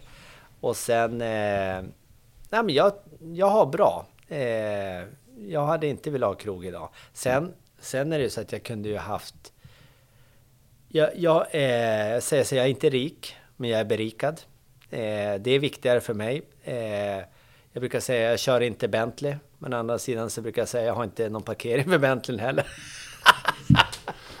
nej, skämt åsido. Nej men, nej, men jag tycker att jag... Eh, jag har hittat en form. Men sen om jag skulle betala min egen timlön så vet jag inte om jag skulle ha så bra timlön. Jag kanske skulle tjäna mer om jag jobbade som konsult ute på stan. Men det är inte det som är grejen. Det här är, det här är livsstilen. Jag gillar det. En annan, ett annat ord som du eh, ju har nämnt några gånger själv, här, men som jag vet också att det står ju på din hemsida, det är det här med nyfikenhet. Mm. Den, eh, den har jag högt faktiskt. Eh, jag tycker nyfikenhet är ett ord som, eh, som gör skillnad. Alltså om du är nyfiken, eh, då får du uppleva så mycket. Du får lära dig så mycket. Du får träffa så mycket nya människor. Eh, jag, jag, tycker det ordet säger så mycket och är du nyfiken så får du, då, då fattar man skillnaden mellan att inte vara nyfiken och vara nyfiken. Går det ens att driva den typen av verksamhet som du har utan att ha det ordet med? Eh, jag, jag tänker jag, på hur nej, skulle, jag, skulle man släppa in eh, någon i sitt hem bara för att det är en gäst som man, eller en person som ska äta mat. Jag skulle säga det finns ett annat ord där och det är orädd. Eh, vi i Norrland säger o före allting så det är väl orädd då. Eh, nej men det är väl också så att du, du kan inte Nyfikenheten är ju, men, men det är ju så att du måste utsätta det för... Eh, du vet inte vad som händer. Att våga släppa in folk i... Eh, Eh, jag vet inte om det har med nyfikenhet jag, jag är inte så nyfiken på gästerna. Jag tycker ja, men bara hänger inte det ihop? Jo, men det kanske det gör. Man kan ju inte vara rädd eh, för, för att träffa människor och samtidigt vara nyfiken på människor. Det blir lite problematiskt. nej, nej, men du har rätt. Absolut. Nej, men jag, jag är orädd och jag är väldigt nyfiken, så det hör väl ihop. Eh, sen kan man vara rädd för olika saker. Men jag, jag tycker det är skönt just den här att, att det bara smäller på. Och man, men det är väl för att man är trygg i det man gör. Jag menar, skulle jag in i en annan bransch, då skulle jag kanske vara rädd på riktigt. Så att eh, det, det, handlar väl om att... Eh, det, det, där handlar det också om att förkovra sig i yrket och att känna en bredd i yrket. Eh, och det är det jag tycker med den här branschen, de som har yrkesstolthet de är ganska breda och de, de är trovärdiga på det de gör. Ja, för du exponerar dig ju ganska kraftigt eh, när du står här. Jag menar, ja, så som det ser ut här. Du står ju här och lagar mat och... Ja, men jag exponerar mig ju i all min kunskap. Alltså, jag kan ju inte stå och fuska. Det finns ju inte. Alltså, men de ser vad jag stoppar ner kastrullen. De ser vad jag gör. Jag kan inte... Jag har ju ingen elvisp. Eh, nej, nej, nej, men så sett. Jag har ingen elvisp. Det har du inte. Eh, jag har köpt en elvisp. jag har ingen mikro. Eh, nej, jag köpte faktiskt en elvisp. För att eh, jag köpte en mixer på batteri. Men det där batteriet tar ju slut hela tiden så jag har faktiskt en elvisp nu också. Eh, Så handvisp, handvispat är bättre alltså? ja, men det är mer känsla i det. Absolut. Ja, ja, mycket mer känsla tycker jag. En annan grej som jag vet att eh, du har skrivit med stora bokstäver, det är att ha roligt. Mm. Absolut, det är väl det livet handlar om. Eh, men det, det, där har du det här. Jag menar, du kan vara nyfiken, men varför ska du göra något som är tråkigt? Men fan, det kan du ge någon annan. Alltså det, det, nej, nej, nej, nej. Det måste vara roligt. Eh, nej, men det är det, om du ska stå och eh, skala eller tonera potatis 20 kilo. Tonera, vad är det? Ja, du gör dem till eh, sju sidor. En fransk tornerad potatis. Ja, berätta, Ja, beskriv. nej, men du tar en potatis och så skär du av kanterna och så turnerar du med sex eller sju kanter. Alltså En en sju, en sju Sidig, ja. Aha. Det är en turnerad potatis. Okej. Mm. Och ska du stå och göra det i 20 kilo, det tar ju ett tag. Och har du då inte roligt, då blir det ju så tråkigt. Sätt på jättebra musik eller så sätter du på någon rolig sån här äh, grej att lyssna på. Så att du har lite roligt då. Eh, försök få bort de här tråkiga... Sen måste man ju ha tråkigt ibland. Det är, men, men jag föredrar ju att ha roligt än tråkigt. Eh, nej, jag försöker ha roligt. Ja, för du har, du har väl inte alltid roligt? Alltså när, när, är, det, Nej. när är det tråkigt? Nej men tråkigt, alltså det tråkigt är ju, det är ju den här eh, när du förval, förvaltar någonting, när du har gjort någonting och du kan det där. Eh, och göra det om och om igen och du känner jag kan inte göra det bättre. Då kanske det inte är så roligt. Alltså du har nått en nivå som du vet att det här är, max, det är topp. Ja men byt då, gör något nytt. För då är det mer utmaning. Jag är ingen förvaltare, då tycker inte jag att det är roligt. Då tycker jag faktiskt det är tråkigt. Det är tråkigare än att göra en tråkig grej, att inte kunna bli bättre. Så att när du har maximerat de tornerade potatisarna Ja. så blir det ingen mer tornerad potatis på ett tag? Nej, för då, då, då kan jag aldrig maximera det där. Jag kan aldrig bli bättre eller snabbare eller få produkten bättre. Då är det tråkigt. Men du har ju inte alltid roligt heller. Alltså, du, du måste ju ha haft några motgångar eh, där. När, när, när har det varit som jobbigast? Ja men de är ju, eh, oj, det är klart att de är ju, de är ju de händer ju hela tiden och det kan vara väderberoende, det kan vara storm ute, det kan vara tamparna fryser sönder, båtjäveln slutar gå. Eh, ja, men det är så mycket sådana här faktorer. När man ska dra iväg med moppen och hämta x antal dryck och batteriet har laddat ur. Eh, då gäller det att bita ihop. Eh, jag vet inte. Det, det är nog de motgångarna som är värst. Eh, sen att... Nej men jag har haft tur med familjemotgångar och sånt där. Jag vet inte, jag har lyckats parera ganska bra och lyssna på... Ja men på familjerna om, om vi ska fortsätta och så vidare. Sen flyttar de ju så fort de kunde förstås. Och barnen? Barnen ja! Ja, nej, frugan har inte flyttat. Då hade jag slutat. Nej men svar på frågan, tråkigt och... Jag vet inte, jag har haft mycket motgångar men det är inget sådär som jag... Jag, jag tror det är roligt att ta över mina motgångar faktiskt. Jag tror att eh, det är mycket roligare än motgångar. Sen motgångarna finns varje dag. Men det är pannben. Alltså det är... Jag hatar administrativt. Eh, för, för det gör mig inte berikad. det gör mig bara utsliten. Om vi byter ordet motgångar mot utmaningar. Vad har de största utmaningarna varit eh, i, i ditt eh, senare yrkesliv? Eller kanske här? I det du har gjort här? Eh, oj. Nej, men jag tror utmaningarna är nog från min egen, eh, vad jag sätter för press på mig själv. Eh, för, för det, om jag sätter ribban här uppe på vissa grejer så får jag en utmaning eh, direkt att kunna leverera det. Och där måste jag ju ta hjälp. Jag, jag brukar säga så att jag, eh, jag släppte en bok för två veckor sedan och då hade jag eh, en bokrelease och där tackade jag eh, alla kockar som har hjälpt mig under de här åren att preppa.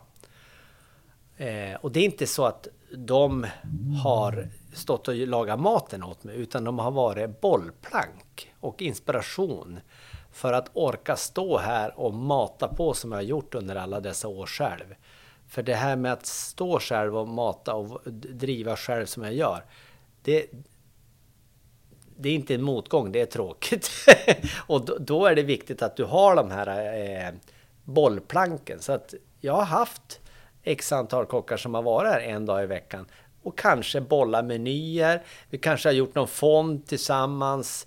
Ibland så har de hjälpt mig att eh, göra någon dessert och lite, nej men komma med nya inslag. Eh, ja, det var ju ingen motgång men. Nej, men det var inspiration och då ja. det föres till det ordet. Vad, ja. Hur får du inspiration? Eh, genom att äta ute. Det är absolut. Eh, jag, jag, jag, tycker, jag, jag, får inspiration av mycket. Jag, jag, kan få inspiration, jag får inspiration att träffa dig. För jag tycker det är roligt med andra människor.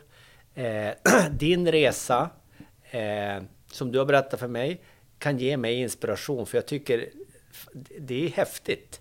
Jag menar, alla, alla, du, du har ett väldigt bra ord, spännande möten. För det är fan det det handlar om i livet. Att hitta de här spännande grejerna som gör att, att, du, att du orkar driva vidare och tycker det är roligt. Och, och, där, och, och roligt. För det är roligt om du träffar ny, nya människor. Jag är med det här med människor, men... Och det går tillbaka till maten. Hur jag får inspiration. Jag träffar människor som ger mig en, eh, energi. Och då orkar jag driva eh, mat, matdelen och dryckesdelen. Men om du går ut och äter, var, var går du ut någonstans helst för att få inspiration? Ja, men jag äter både på fine dining ganska mycket. Eh, det är inte så att jag vill laga den maten med 20 rätter och en eh, smaksättning i en tugga och sen är det klart. Det är inte det jag lagar. Men du kan alltid få du kan se någonting i lokalen som jag går igång på, alltså en serveringsteknik eller någon, någon del som är varm eller kall som jag kan applicera här hemma. Då går jag igång på det. Eller, ja men det är mycket de här små detaljerna som matmässigt, det tror jag nästan att den har jag nog, det är väldigt få gånger jag blir surprisad faktiskt. Eh, det, det, det har jag nog ätit ganska mycket. Vilken mat äter du helst själv? Hemma eller på krog? Nej, på krogen. Eh, vällagad. Alltså jag, jag, måste veta att köket är engagerat. Alltså det, där är det lite grann så jag går inte på ett ställe där, där det inte finns någon ambition i köket. Det måste finnas hjärna bakom eh, råvarorna. Och sen spelar det ingen spelar någon roll då om det är japanskt eller Nej. asiatiskt eller eh, franskt eller italienskt Nej. eller? Det spelar ingen roll. Det, det, det är mer det här, eller det är bara det. Det måste finnas ett engagemang och att vilja göra det bästa. För då går jag igång. Att, att bara gå på en krog och käka en pasta carbonara. Nej, då kan jag äta fil. Men hur, hur håller du koll då på, på som nya recept eller eh, ingredienser eller eh, sätt att jobba på? Förutom att du tar hit eh, lite kockar då och då. Nej men det är, det är att jag är tur ute. Absolut. Och, och där är ju så att vi tar gärna med oss hela familjen. Bästa panelen, det är barnen och det är familjen. Alltså, jag brukar säga att jag skulle kunna laga eh, trestjärnig mat fem dagar i veckan om familjen var eh, panelen. För de, de är så jävla picky. Har du har lärt dem? Ja, Ja, de, de, ja, jag vet inte om jag har lärt dem, men de har väl lärt sig av allt vi har ätit ute och så vidare och, och vilken lägstanivå och sådär. Så att det är, eh, det där... Vad var frågan? Att eh, vad jag fick... Eh, ja, men nya ingredienser. Ja, hur jag får det, får... Förutom att du har... Mm, ja, men, det, men det är ju det att jag äter ute mycket och sen följer jag säsong. Och sen följer jag ganska många Instagramkonto av utländska eh, kockar. och där kan du se, eh, det ska jag säga, det är också väldigt berikande. Just det här med eh, Instagram och deras... Eh, för folk lägger ut hela tiden. Jag lägger aldrig ut. Jag tycker inte jag har något att lägga ut. men, men eh, alla vill ju visa och jag blir jätteglad av det för att man lär sig nya tekniker. Eh, och, och, och, man kanske ser en ny rätt på det och det och så, då tar man in det och så provar man. Ja men så, så är det nog. Det är en... Inte nog med att du är kock och lagar maten utan du är sommelier också och har bra koll på viner har jag förstått. Ja. Jag... Det är väl en ganska ovanlig kombination. Eh, när jag har varit ute så är det, ja men här kommer sommelieren och eh, där lägger sig inte kocken i och här är det maten och det lägger sig definitivt inte sommelieren i. Det har förändrats lite grann. Eh, det har varit så alltid. Och det var så när jag läste som sommelier för sex år sedan. Då, då börjar det förändras lite grann. Men, men de, jag ska säga, de kockarna som har någon ambition i, i den här eh, restaurangvärlden, de läser till sommelier. För de inser att för att kunna bli bättre i köket så måste du ha koll på båda sidorna. Eh, så det är lite det här du frågade tidigare, vart går du ut och äter? Jag äter där folk har ambition. Och det, det, är, det börjar komma jättemycket. Eh, jag känner flera stycken som läser till sommelier, eller är sommelierer, som jobbar som kock. Men, men som du säger, det är ju så på krogen. Att går du på en restaurang, ja men då tar du upp beställning av en servisservitör och sen om du ska ha ett vinval, då är det eh, sommelieren och sen är det köket. Så du har ju uppdelade, du har ju inte, du har inte samma roller som jag här, då har jag en, fyra hattar på. Ska, ska du prata med marknadsavdelningen? Jag kommer. Men fyra hattar hade du på, sen, på dig när eh, du var med i Kockarnas kamp? Nej, då hade jag bara en hatt. Eh, Hur var det att vara med där? Ja, men det var ju hedrande när man får frågan att vara med i Kockarnas kamp. Då tackar man ja. Eh, så är det. Jag menar, man är utvald så det är inte någonting man söker till. Så det, det, är, det är speciellt. Det är rätt coolt att få ha fått vara med där. För det är de som... Alltså vi som har varit där är ju utvalda för att vi har gjort något bra. Eh, så är det ju. Och det, det, är ju häftigt. Men sen, alltså resan som jag fick vara med om. Den är ovärderlig och den hade jag aldrig upptänkt att den skulle vara som den var. Det var... Vad, var speciellt med den?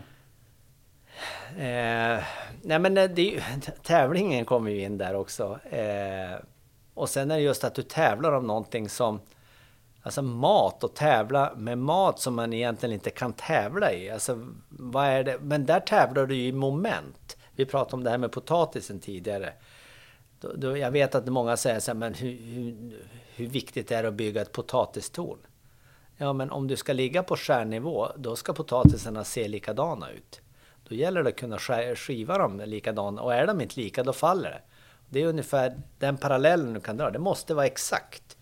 Och sen att göra det på tid, det, då har du den aspekten att där är pengarna i krogen. Så gör du det inte snabbt, då tjänar du inga pengar. Så att det, det är många, alltså många snackar om att det är, det är konstiga moment. Men det är inte konstiga moment, det är, det är ju verkligheten. Alltså tjänar du pengar, gör det perfekt, ja men då är du på stjärnkrognivå. Hur är det att eh, laga mat tillsammans med eh, andra kockar på den nivån? Nej men det är bara roligt. Det är bara roligt. Alltså absolut, man lär sig varann och det finns ingen prestige eh, uttalad mellan, även om det kanske gör det. Men eh, jag har ingen prestige. jag lagar min mat, jag gör det jag kan, eh, jag, respekterar andra. Jag tycker det är jätteroligt att laga mat. Jag, tr jag tror att de, nästan alla, alla tycker det är roligt. Sen kan det vara lite jobbigt ibland också, eftersom det är ju du känner ju inte alla, så det är ju lite så här pissa in reviren. Eh, det är klart att det är lite prestige. Men, men alla har ju någonstans samma bakgrund. Man, man vet hur, hur det har varit att bli kock, man vet hur hunsad man har varit, man vet Så att det, det finns det här, alla har varit där. Så att alla har gjort lika resa. Det finns ingen som har gjort en enkel resa. Det finns inte. Vad blev placeringen? Jag blev trea. Eh, nej men jag är jättenöjd, även om jag kanske hade... Nej, jag hade... Jo, det, du vet att man, man vill vinna. men men när, när jag blev trea så var jag väldigt glad. Jag, jag var klar. Eh, och de som vart etta och tvåa, de var värda att vara etta och tvåa. Så att jag, eh, jag kände bara att det var perfekt. En annan grej som du har gjort alldeles nyligen nu, det är, och det är ju... Där du inte behövt tävla utan har kunnat bestämma själv, det är ju att göra en bok. Ja, det är också en sån där grej som många säger så här, ja men det måste vara din dröm. Nej, det har inte varit min dröm. Men det som eh, är, väldigt häftigt att ha gjort, eh, vi släppte den för två veckor sedan tror jag det var. Och det är att eh, vi har gjort en bok om hur det är att driva restaurang ett år här hemma. Så att boken är ingen kokbok utan det är en bok med varje månad och respektive råvaror per säsong. Så att eh, hon som är förlaget eh, och som är fotograf, hon har följt mig ett år. Eh, hur det är. Så att för mig är det inte en kokbok utan det är en dokumentation av vad, jag har gjort under dessa 12 år i vårt hem. Så det är med familjen. Jag tycker det är, jag, tycker, jag är jätteglad att den kom till. Varför vill du inte göra en kokbok? Eh, nej men det släpps ju eh, ungefär fem kokböcker per dag. Och sen så känner jag väl att jag vill inte, eller jag känner inte att jag är bara kock. Så jag, det är inte för mig en kokbok jag vill göra. Utan jag vill göra en kokbok som är mer en story. Alltså det är mer jag. Alltså vad är det som, som har blivit? Ja, men det, det är en restaurang, ett hem. För mig är det mycket mer intressant än att göra massa recept och stå och laga mat. Så att när jag fick frågan kokbok, jag bara, nej men vad ska jag göra en kokbok för? Jag är inte intresserad av det. Sen att jag sa så, ja men vi gör en bok om att driva restaurang hemma och då nappade hon på det. Och så blev det. Och det, det är ju det är mycket roligare. Nej, nej, ingen kokbok. Det, är många, det finns så mycket duktiga kockar som vill göra kokböcker. Men vad heter boken? Eh, vi träffas i köket David, eh, hos David at Home. David at Home och det är ju... Ja, det är, det är, det är också en story. David at Home är ju varumärket, det här vi kallar restaurangen. Men när jag startade David at Home så, så, så berättade jag det här för folk och så sa jag att jag ska starta restaurang hemma och och så de, vad ska den heta? Nej, jag vet inte. Den borde heta eh, David... David at Home. Jag bara, David at Home, fan, hör hör hur det låter så här. Ska, jag, jag vill, det, jag, ska jag stå där så här, så här. Och så säger min eh, mammas man så säger, men kalla det David at Home. Jag bara, David at Home, det var bra, för det är inte jag, jag är ju David. så det var, det var så det är. Så det är David ett det är inte David ett Nej, okej. Okay. ja, en eh, fantastisk eh, bok som jag tycker att ni ska gå ut och eh, titta på och köpa. Vi ska avrunda snart, men vi har några, några små grejer kvar. Det ena är liksom, vad händer sen? Nu har du kört det här, vad sa du, 12 år? 12 år, ja. ja. Är det 12 år till? Nej, det är det inte. Det är inte 12 år till. Eh, det är inte så att jag tycker det är tråkigt, men det, det har kommit till något sånt här... Jag försöker göra om varje månad bara för att det inte ska bli... För det första kan jag inte göra det bättre. Eh, du har nått max? Ja, eh, på, på, på de grejerna som jag tycker. Eh, allt går göra bättre, men jag kan inte göra det bättre för jag har bara två händer.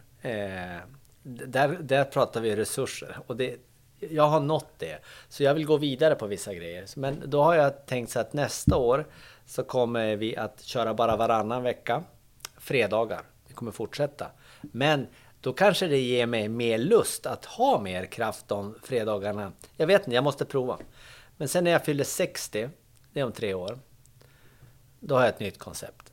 Och det Då ska jag ha min eh, jag vet att du också var på Rivieran nyss och på Rivieran är det så att de går med vattenslang på morgonen och spolar trottoarerna. Och jag har varit där nere ganska mycket. Jag älskar det där när en stad vaknar och att de spolar eh, trottoarerna. Så jag ska ha ett litet hål i väggen med två bord och så ska jag ha en vattenslang, eh, lite halvsur, röka cigarr. Nej, inte cigarr. Jag röker cigarill. Eller jag ska börja röka cigarill. 60. Så det är mitt nästa koncept. Vadå, gå med vattenslang, ha två bord. Vad är det du ska servera då? Eh, kaffe och macka. Och där kommer vi till enkelheten. För jag var på ett fik i förrgår tror jag och de hade nog 40 olika mackor på det kaféet. Så jag och Katta vi stod och sa vad ska vi ha? Det tog alltså fem minuter när vi bestämt frukost. Jag sa så här, mitt koncept är ju genialiskt. Eh, vad vill du? Eh, Hej, god morgon. Ska du ha kaffe? Ja. Mm. Macka? Ja, mm, klart. Men då kan jag föreställa mig att de mackorna kommer att vara väldigt goda. De kommer vara, absolut, alltså det, de kommer vara jättegoda. Det, jag vet, men det kommer vara enkelt. Och där kommer vi till det här med valmöjligheterna. Eh, kommer det finnas havremjölk? Nej. Varför inte då? Nej, men jag har inte havremjölk eh, till kaffet. Eh, är den laktos eller glutenfri? Nej, den är inte det. Eh, för det har inte jag. Konceptet är kaffemacka. Eh, på mitt sätt. Jag menar, det är inte för alla. Så Nej. är det. Så är det. Det är ju lite som här. Det här är en restaurang på ditt sätt. Ja, och, och jag, jag, det måste man respektera. Om andra inte vill ha barnvagnar på sin restaurang, ja men det är väl inte du som bestämmer som äger barnvagnen om du ska få ha barnvagnar. Det är ju de som driver det som har bestämt det. Respektera det, det är väl inga konstigheter. Det låter, låter, låter väldigt enkelt. Um, någonting som inte alltid är enkelt, det är att göra enkla saker bra i köket. Så jag tänkte så här att ehm, gästerna kollar ju rakt in i köket när du lagar mat. Ja. Vad är den vanligaste frågan du får? Har du bara den där ugnen? ja men typ. De tror ju att jag har ett restaurangkök när de ser det jag trycker ut. Det är nog den vanligaste frågan. Jag tänkte att eh, vi ska ju ta några sådana här vanliga frågor på vanliga saker som man vanligtvis misslyckas för ofta med. Ja. Eh, så jag tänkte att nummer ett då. Eh, hur ska man koka ett ägg eh, på ett perfekt sätt så man kan skala det? Oj, oj, oj. Det där pratar vi om idag då. Ja, Att vi- precis. Du sa, du sa att det var skillnad på vad det är för ägg. Ja, nej men alltså jag har ju av eh, erfarenhet så tycker jag faktiskt att ej ekologiska ägg är lättare att skala. Men jag har ju ingen beläggning för det. Men jag tycker faktiskt det. är. Sen jag kokar ägg. Jag lägger ner dem eh, i kallt vatten och så kokar jag upp dem. Så kokar de sex minuter ungefär. Och sen spolar jag av dem. Eh, och vissa går jättelätt att skala och vissa är, blir den där hinnan på. Och vad det beror på, jag vet inte, det är väl hönan. Men du, du berättade för mig att man kunde se färskheten på äggen. Hur gör man det? Ja, men det, ger, det är ganska enkelt. Du öpp, eller det är jätteenkelt. Du öppnar ju eh, skalaägget och så ser du eh, ju, ju mer, eh, eller ju rundare ovalare är de ju. Att det är botten, att det inte är en urgröpning. Ju större urgröpning det är i botten, ju äldre är äggen. Så Bra. Att, ja. Nummer ett. Nummer två. Eh, du, när man har stekt i en gjutjärnspanna. Hur rengör man den? Ja men så här är det, som man har gjort tidigare så värmer man bara upp den och torkar den med hushållspapper. Eh, sen vet inte jag egentligen om det är riktigt korrekt enligt eh, hälsan då, för då ska du ju upp i 75 grader för att... Men det blir ju pannan... Jag säger så här, som jag gör och alltid har gjort. Värma upp den, torka ur den. Eh, ibland så kan du skölja ur den med varmt vatten och lite diskmedel. Ibland. Men en gjutjärnspanna mår bäst av att bara hetta upp, torka ur den med hushållspapper. That's it. Ja. Eh, en annan sak eh, som man kan fundera på är ju det här smöret i stekpannan. När är det eh, så pass eh, rätt temperatur så jag kan börja lägga i exempelvis köttet? Eh, när du lägger i köttet, då tystnar smöret. Du lägger ner den och när smöret först eh, bubblar det och när det tystnar, då, eh, då kan du lägga i. För då har du fått en noisettefärg och då har du för det måste vara så pass varmt så att du får en yta, men det får inte gå över och bränna för då tappar du aromen på det. Så att när det har tystnat, då lägger du ner. När smöret tystnar lägger man Ja, i köttet. ja. När vänder man på köttet? Ja, det har jag också. Jag brukar... Ja, uff. När fan vänder det beror ju hur varmt det är i pannan. Men jag skulle säga när det är en perfekt yta.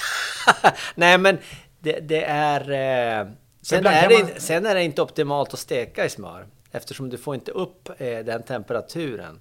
Vad ska man steka i då? Ja, du kan steka i olja och sen när du har fått en perfekt eh, yta på, då kan du lägga ner smör i pannan för aromens skull. För då får du bättre färg också. Men du får en, en krapröd yta om du steker i olja direkt.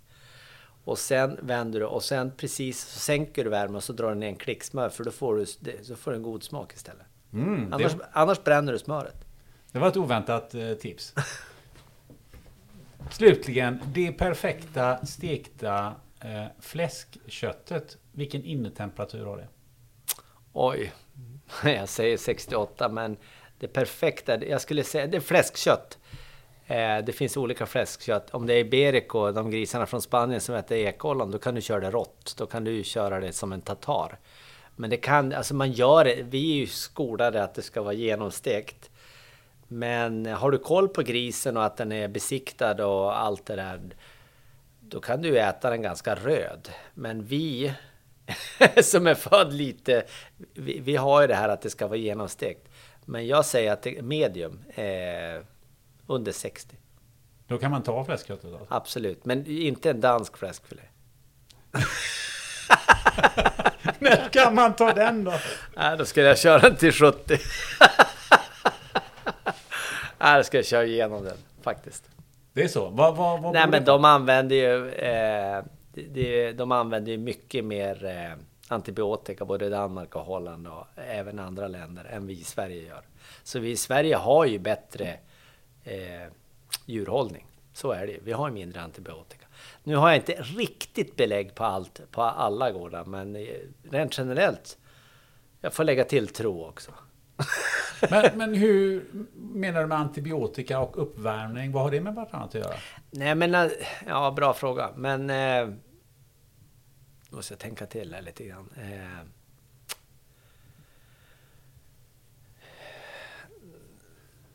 oh, nu kommer jag in på kemi här. Eh, ja, men du får gärna förklara. Nej, men alltså, för, jag tänker bara uh, varför man använder antibiotika. Det är ju för att eh, djuren ska växa fortare utan sjukdomar. Så att du får mindre svinn i produktionen.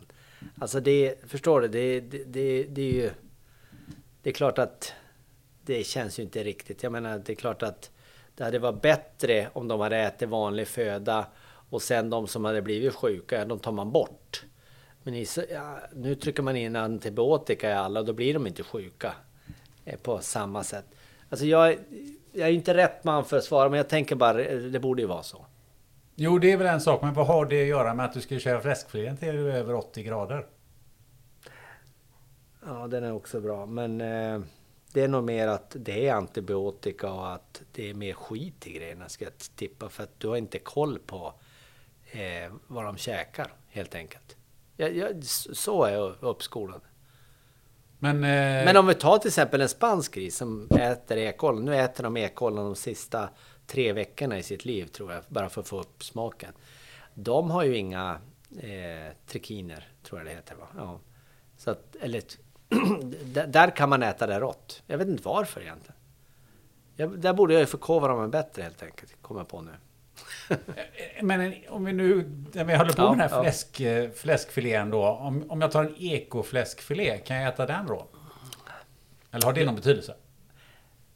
Det har säkert betydelse, men framförallt så har det ju med vad de har stoppat i sig. Du har ju mer koll på in, alltså intaget i grisen och du har ju mer kontroll över allting. Det finns, där är det ju kontrollsystem. Eh, som på eko, för det är ju certifiering hur man ska hantera djuren och vad de ska få för mat. Så det, det, det är ju klart att det är bättre kött. Ska vara bättre. David, eh, det känns som att det här med mat och restaurang och eh, en massa andra detaljer, eh, det skulle vi kunna prata om hur lång tid som helst. Ja. Har jag en känsla av. Ja. Men det är väl dags att avrunda nu. Hur, hur känner du att det snacket har varit? Nej men det har varit spännande. Alltså, du frågade mig innan om jag ville veta någonting, vad du hade för frågor. Och nej, det ville man inte. Nej men jag tycker det, det, jag tycker det var jättebra. Det var jätteroligt. Sen är det ju väldigt svårt att sitta eh, som, som, som jag gör. Jag står ju jämt. Eh, och sitta ner här nu ett tag och sitta och svara på frågor. Eh, det är ju inte med det jag gör i vardagen. Så att, men jag tycker det är fantastiskt. Eh, tack att jag fick träffa dig. Det kliar lite i benen nu då alltså? Ja men lite så. Nu har jag stängt av fonderna så nu känner jag mig lugn. du, ehm, eh, jag gav dig en uppgift innan. Vem tycker du jag borde bjuda in till den här eh, podden?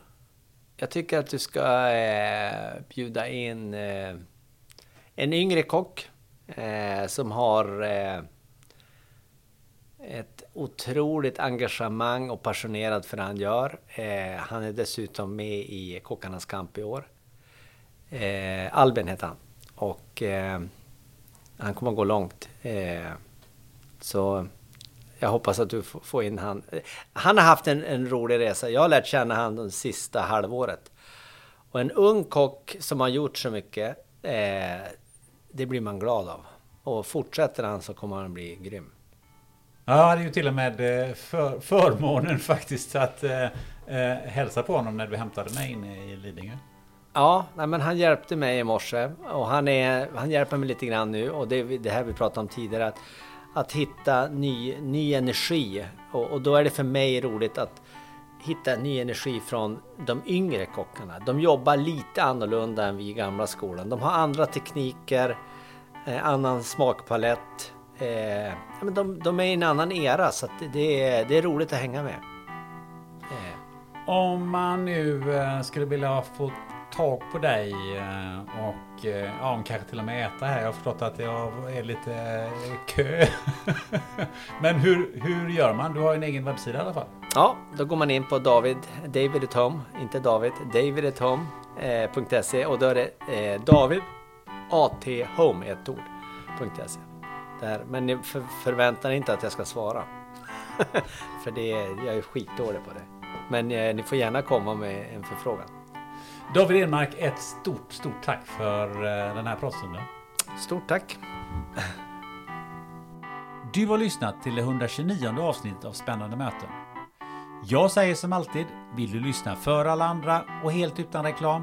Ja, men då går du in på patreon.com spannandemoten och tecknar dig för ett abonnemang. Tack för att du vill bidra till ytterligare och fler spännande möten. Om två veckor så blir det naturligtvis ett nytt samtal. Den här gången med läkaren Arezo Feisi. Hennes berättelse om vägen från krigets Afghanistan som en av tio syskon till ung framgångsrik läkare i Sverige, ja den vill du inte missa. Tills dess, så vet du vad du gör. Du sätter dig i en soffa och ber en vän servera något gött att dricka och så kollar du hur serveringen ser ut. Och du, kom ihåg, du vill inte slicka på vännens fingrar. Ha det gött!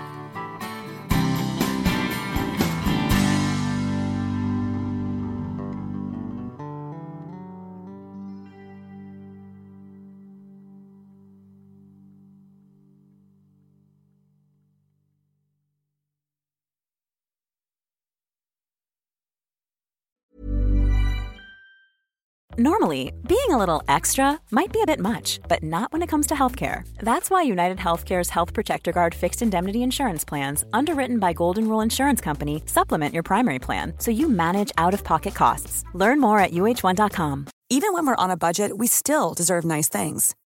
Quince is a place to scoop up stunning high end goods for 50 to 80% less than similar brands. They have buttery soft cashmere sweaters starting at $50 luxurious Italian leather bags, and so much more. Plus, Quince only works with factories that use safe, ethical, and responsible manufacturing. Get the high-end goods you'll love without the high price tag with Quince. Go to quince.com/style for free shipping and 365-day returns.